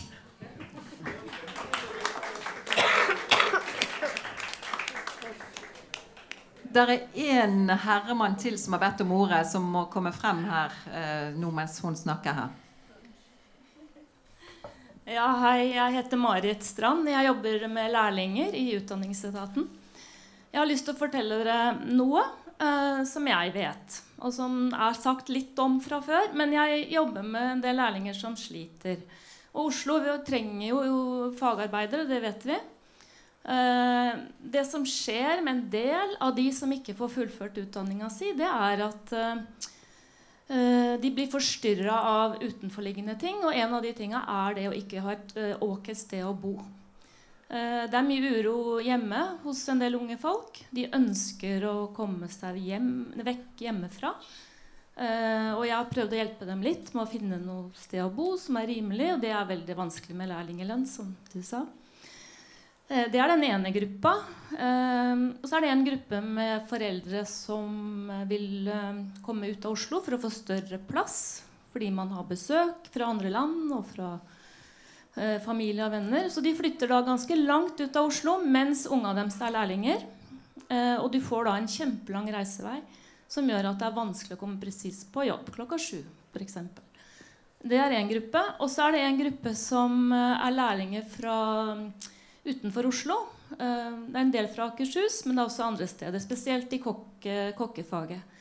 De kommer til Oslo for å jobbe. Og de flytter ut igjen av Oslo. De avslutter læretida si fordi de er en, de er litt ensomme, og det er veldig dyrt å bo her. Eh, så mitt ønske, spesielt til politikeren, er jo å vi trenger uh, hybelhus for lærlinger. Vi trenger et sted hvor de har et sosialt fellesskap, og hvor de kan leve mens de er lærlinger, og ha et ungdomsliv, som du har sagt også i Oslo. Så det um, tenkte jeg at det må bli sagt i kveld. Uh, ja. Så det må du ta med deg. Jeg kommer til å si det til andre politikere også. Uh, skal vi ha flere fagarbeidere i Oslo som skal ta seg av oss med grått hår, og gjøre den jobben som vi ønsker de skal gjøre i byggebransjen nå, så kan de ikke bo uh, ute på Maura, som noen må. Ja, takk. Så ble jeg litt usikker på om den siste jeg hadde tegnet meg i hodet, som jeg ikke hadde navnet på, bare eksisterte inni min fantasi. Eller er det du, ja? Kom, da.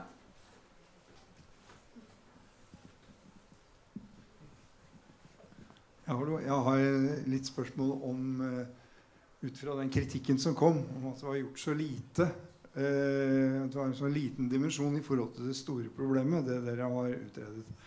Jeg tror det er et riktig bra skritt på veien.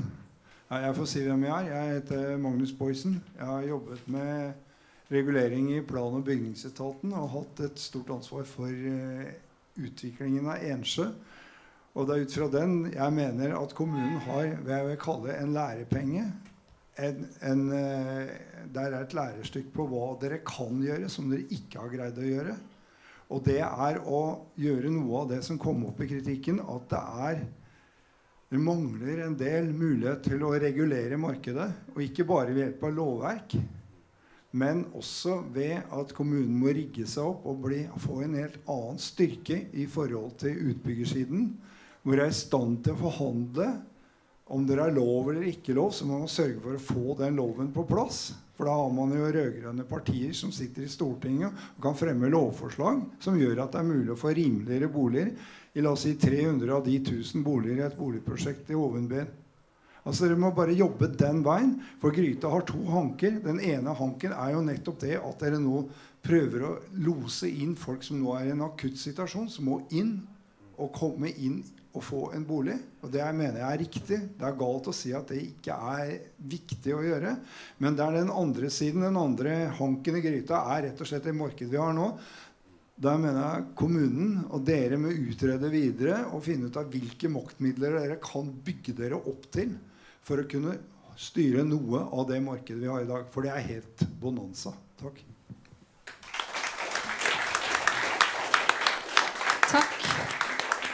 Da eh, var det mange gode innspill her, og jeg tror alle har fått sagt noe av de som ba om ordet. sant? Ingen som skriker det motsatte. Så Da blir det en liten sluttreplikk på hver av dere, der dere også svarer ut det som dere føler for. Ca. 1 12 minutt på hver til to. Skal vi begynne der borte? Jeg syns jeg eh, får ordet så mye. Ja, det var bra. ja, vær så god. Jeg syns det har blitt sagt veldig mye viktig og riktig her, ja, som er, viser at folk er engasjert i boligpolitikk, og at det er mange veier til målet. Jeg tror alle sammen er enige med at vi må gjøre noe. Det er det viktigste. Uh, så uh, um, Det var noen som nevnte Husbanken. Jeg tror vi skal passe på Husbanken nå. Vi skal verne om den. Fordi jeg tror den er litt utsatt. En utsatt posisjon. Uh, det er en viktig redskap hvis vi skal få til noe. Og da må vi passe på at ikke den eh, blir noe annet eller noe mindre enn det den er i dag. Så eh, Jeg klarer jo ikke å la være, da, siden du sa at jeg bet meg selv i halen i resonnementet. Ja, det blir jo litt sånn eh, Da blir jeg litt sånn hissig, da. Eh, svare tilbake, da, at det er naivt å tro at du skal få til noe endring uten å kunne legge penger på bordet. Du får ikke til noe de kreftene som er der ute, de klarer fint å utmanøvrere Oslo kommune hvis ikke dere gjør noe ordentlig seriøst. Men Og der sas Guttu det forløsende, nemlig at det er jo ikke bare stat og kommune offentlig som er nødt til å gjøre dette. Det er en evaluering av plan- og bygningsloven som har vært nå, og som er levert til Kommunaldepartementet.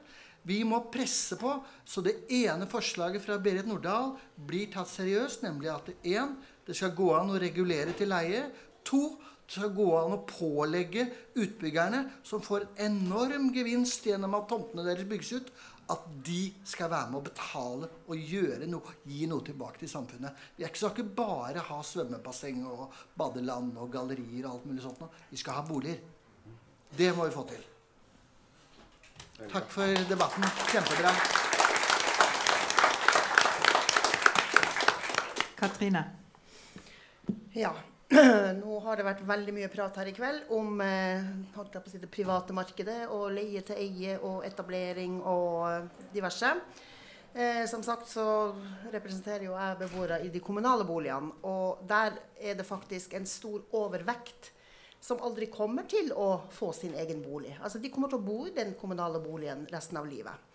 Eh, var en par stykker her som nevnte det. Eh, vi ønsker å få gjenreist den sosiale boligpolitikken.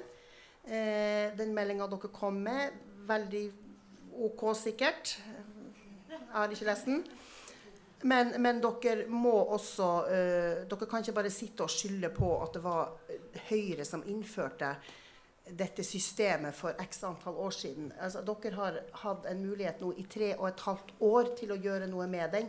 Istedenfor så klarte dere faktisk å klistre gjengs leie på de utviklingshemmede også. Så, så, eh, det du kan da ta tilbake, er det at uh, her, må dere gå inn og gjøre en, en kjempesnuoperasjon. Uh, omsorgsbygg, boligbygg må ut ifra byråd for næring. Har ingenting å gjøre der. Hører ikke hjemme der engang. Den må tilbake til Byrådet Byråd for sosiale tjenester, eller hva det nå for noe.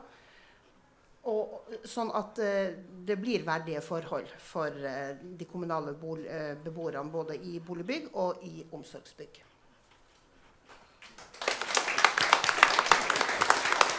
Maren?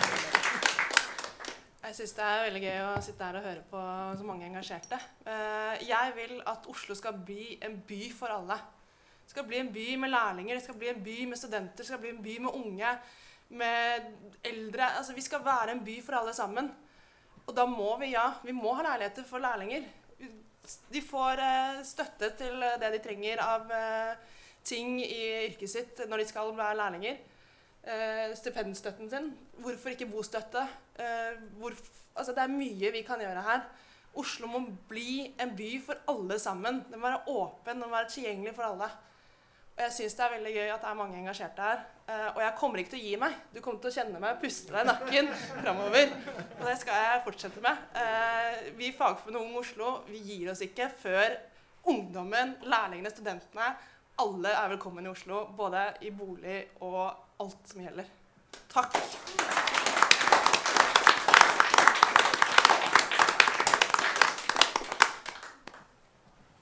Eh, tusen takk, eh, Maren og Katrine og, og Lars. Det, jeg blir veldig inspirert av å være her og høre hvor mange som er opptatt av dette. Og hvor mange muligheter som egentlig er, hvis man vil. Det jeg tenker er det aller viktigste med, den, eh, med det vi nå har lansert, er at vi har sagt at nå, nå er det en ny tid.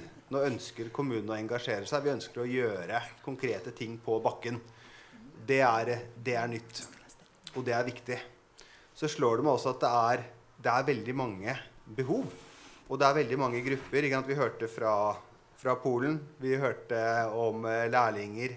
Vi har eh, kunstnere som kommer til oss og forteller hvordan de blir eh, pressa ut. Skal det være plass til Og kunstnere de har ikke noe stabil inntekt. De tjener ikke så mye. Ja, skal vi bevare Oslo som den byen vi er glad i, med plass til alle, da må vi faktisk gjøre noe for å korrigere markedet. Og så kan vi diskutere om det skal være korreksjon, eller hvor mye man skal ta over. Men retningen må vi ha, og vi har eh, starta nå. Vi trenger mer tid på oss, det skal jeg være helt ærlig på. Det er et eh, startskudd, men vi er i gang. Jeg tar med alt jeg har hørt her eh, videre. Og så skal vi stå på det vi kan. Og så hører jeg fra deg, Maren, og dere andre også sikkert underveis. Tusen takk for i kveld. Da skal dere som har innledet og vært i panelet, få hver sin bok. Den flotte boken 'Bygården'. Som eh, kan inspirere til fortsatt uh, virke for disse sakene her. Og det viser seg jo at det er utrolig mye kunnskap og ressurser og engasjement ute blant de folkene som har kommet her. Jeg var litt redd for at siden det hadde vært en to-tre boligpuber tidligere i uken, at ikke vi skulle få noen folk her i dag. Men uh, der er kommet så masse fram, og jeg vil oppfordre dere som har tatt ordet her, til å fortsette å snakke om boligpolitikk. Alle typer boligpolitikk, sånn som vi har prøvd å gjøre her, og å blande litt. Fordi det er det som lages aksjoner rundt det som skrives i avisene om. Det er det som blir de viktige sakene for politikerne i denne valgkampen, og også i neste valgkamp, når vi skal ordne de lovene som ennå ikke er i orden, sånn at vi får gjort det som har gitt kommunen et større handlingsrom. Og vi i LO i Oslo har hatt uh, boligpolitikk som en viktig uh, sak helt siden vi var stifta i 1920, faktisk. Det var vi som la grunnen for å lage boligbyggelag, det som var forløperne til Obos. Og det går jo også an å prøve å ta Obos tilbake, i tillegg til andre ting. Så vær aktive, og ikke gi opp. Bare se på all den oppmerksomheten som disse her som har laget uh, opprør mot uh, bilkjørings... Av bom, bompengeringene. og så kan man si at det er en viktig eh, sak for noen, men boligpolitikk er jo en mye mer grunnleggende basistrygghet i livet. Så lag opprør! Takk for i kveld.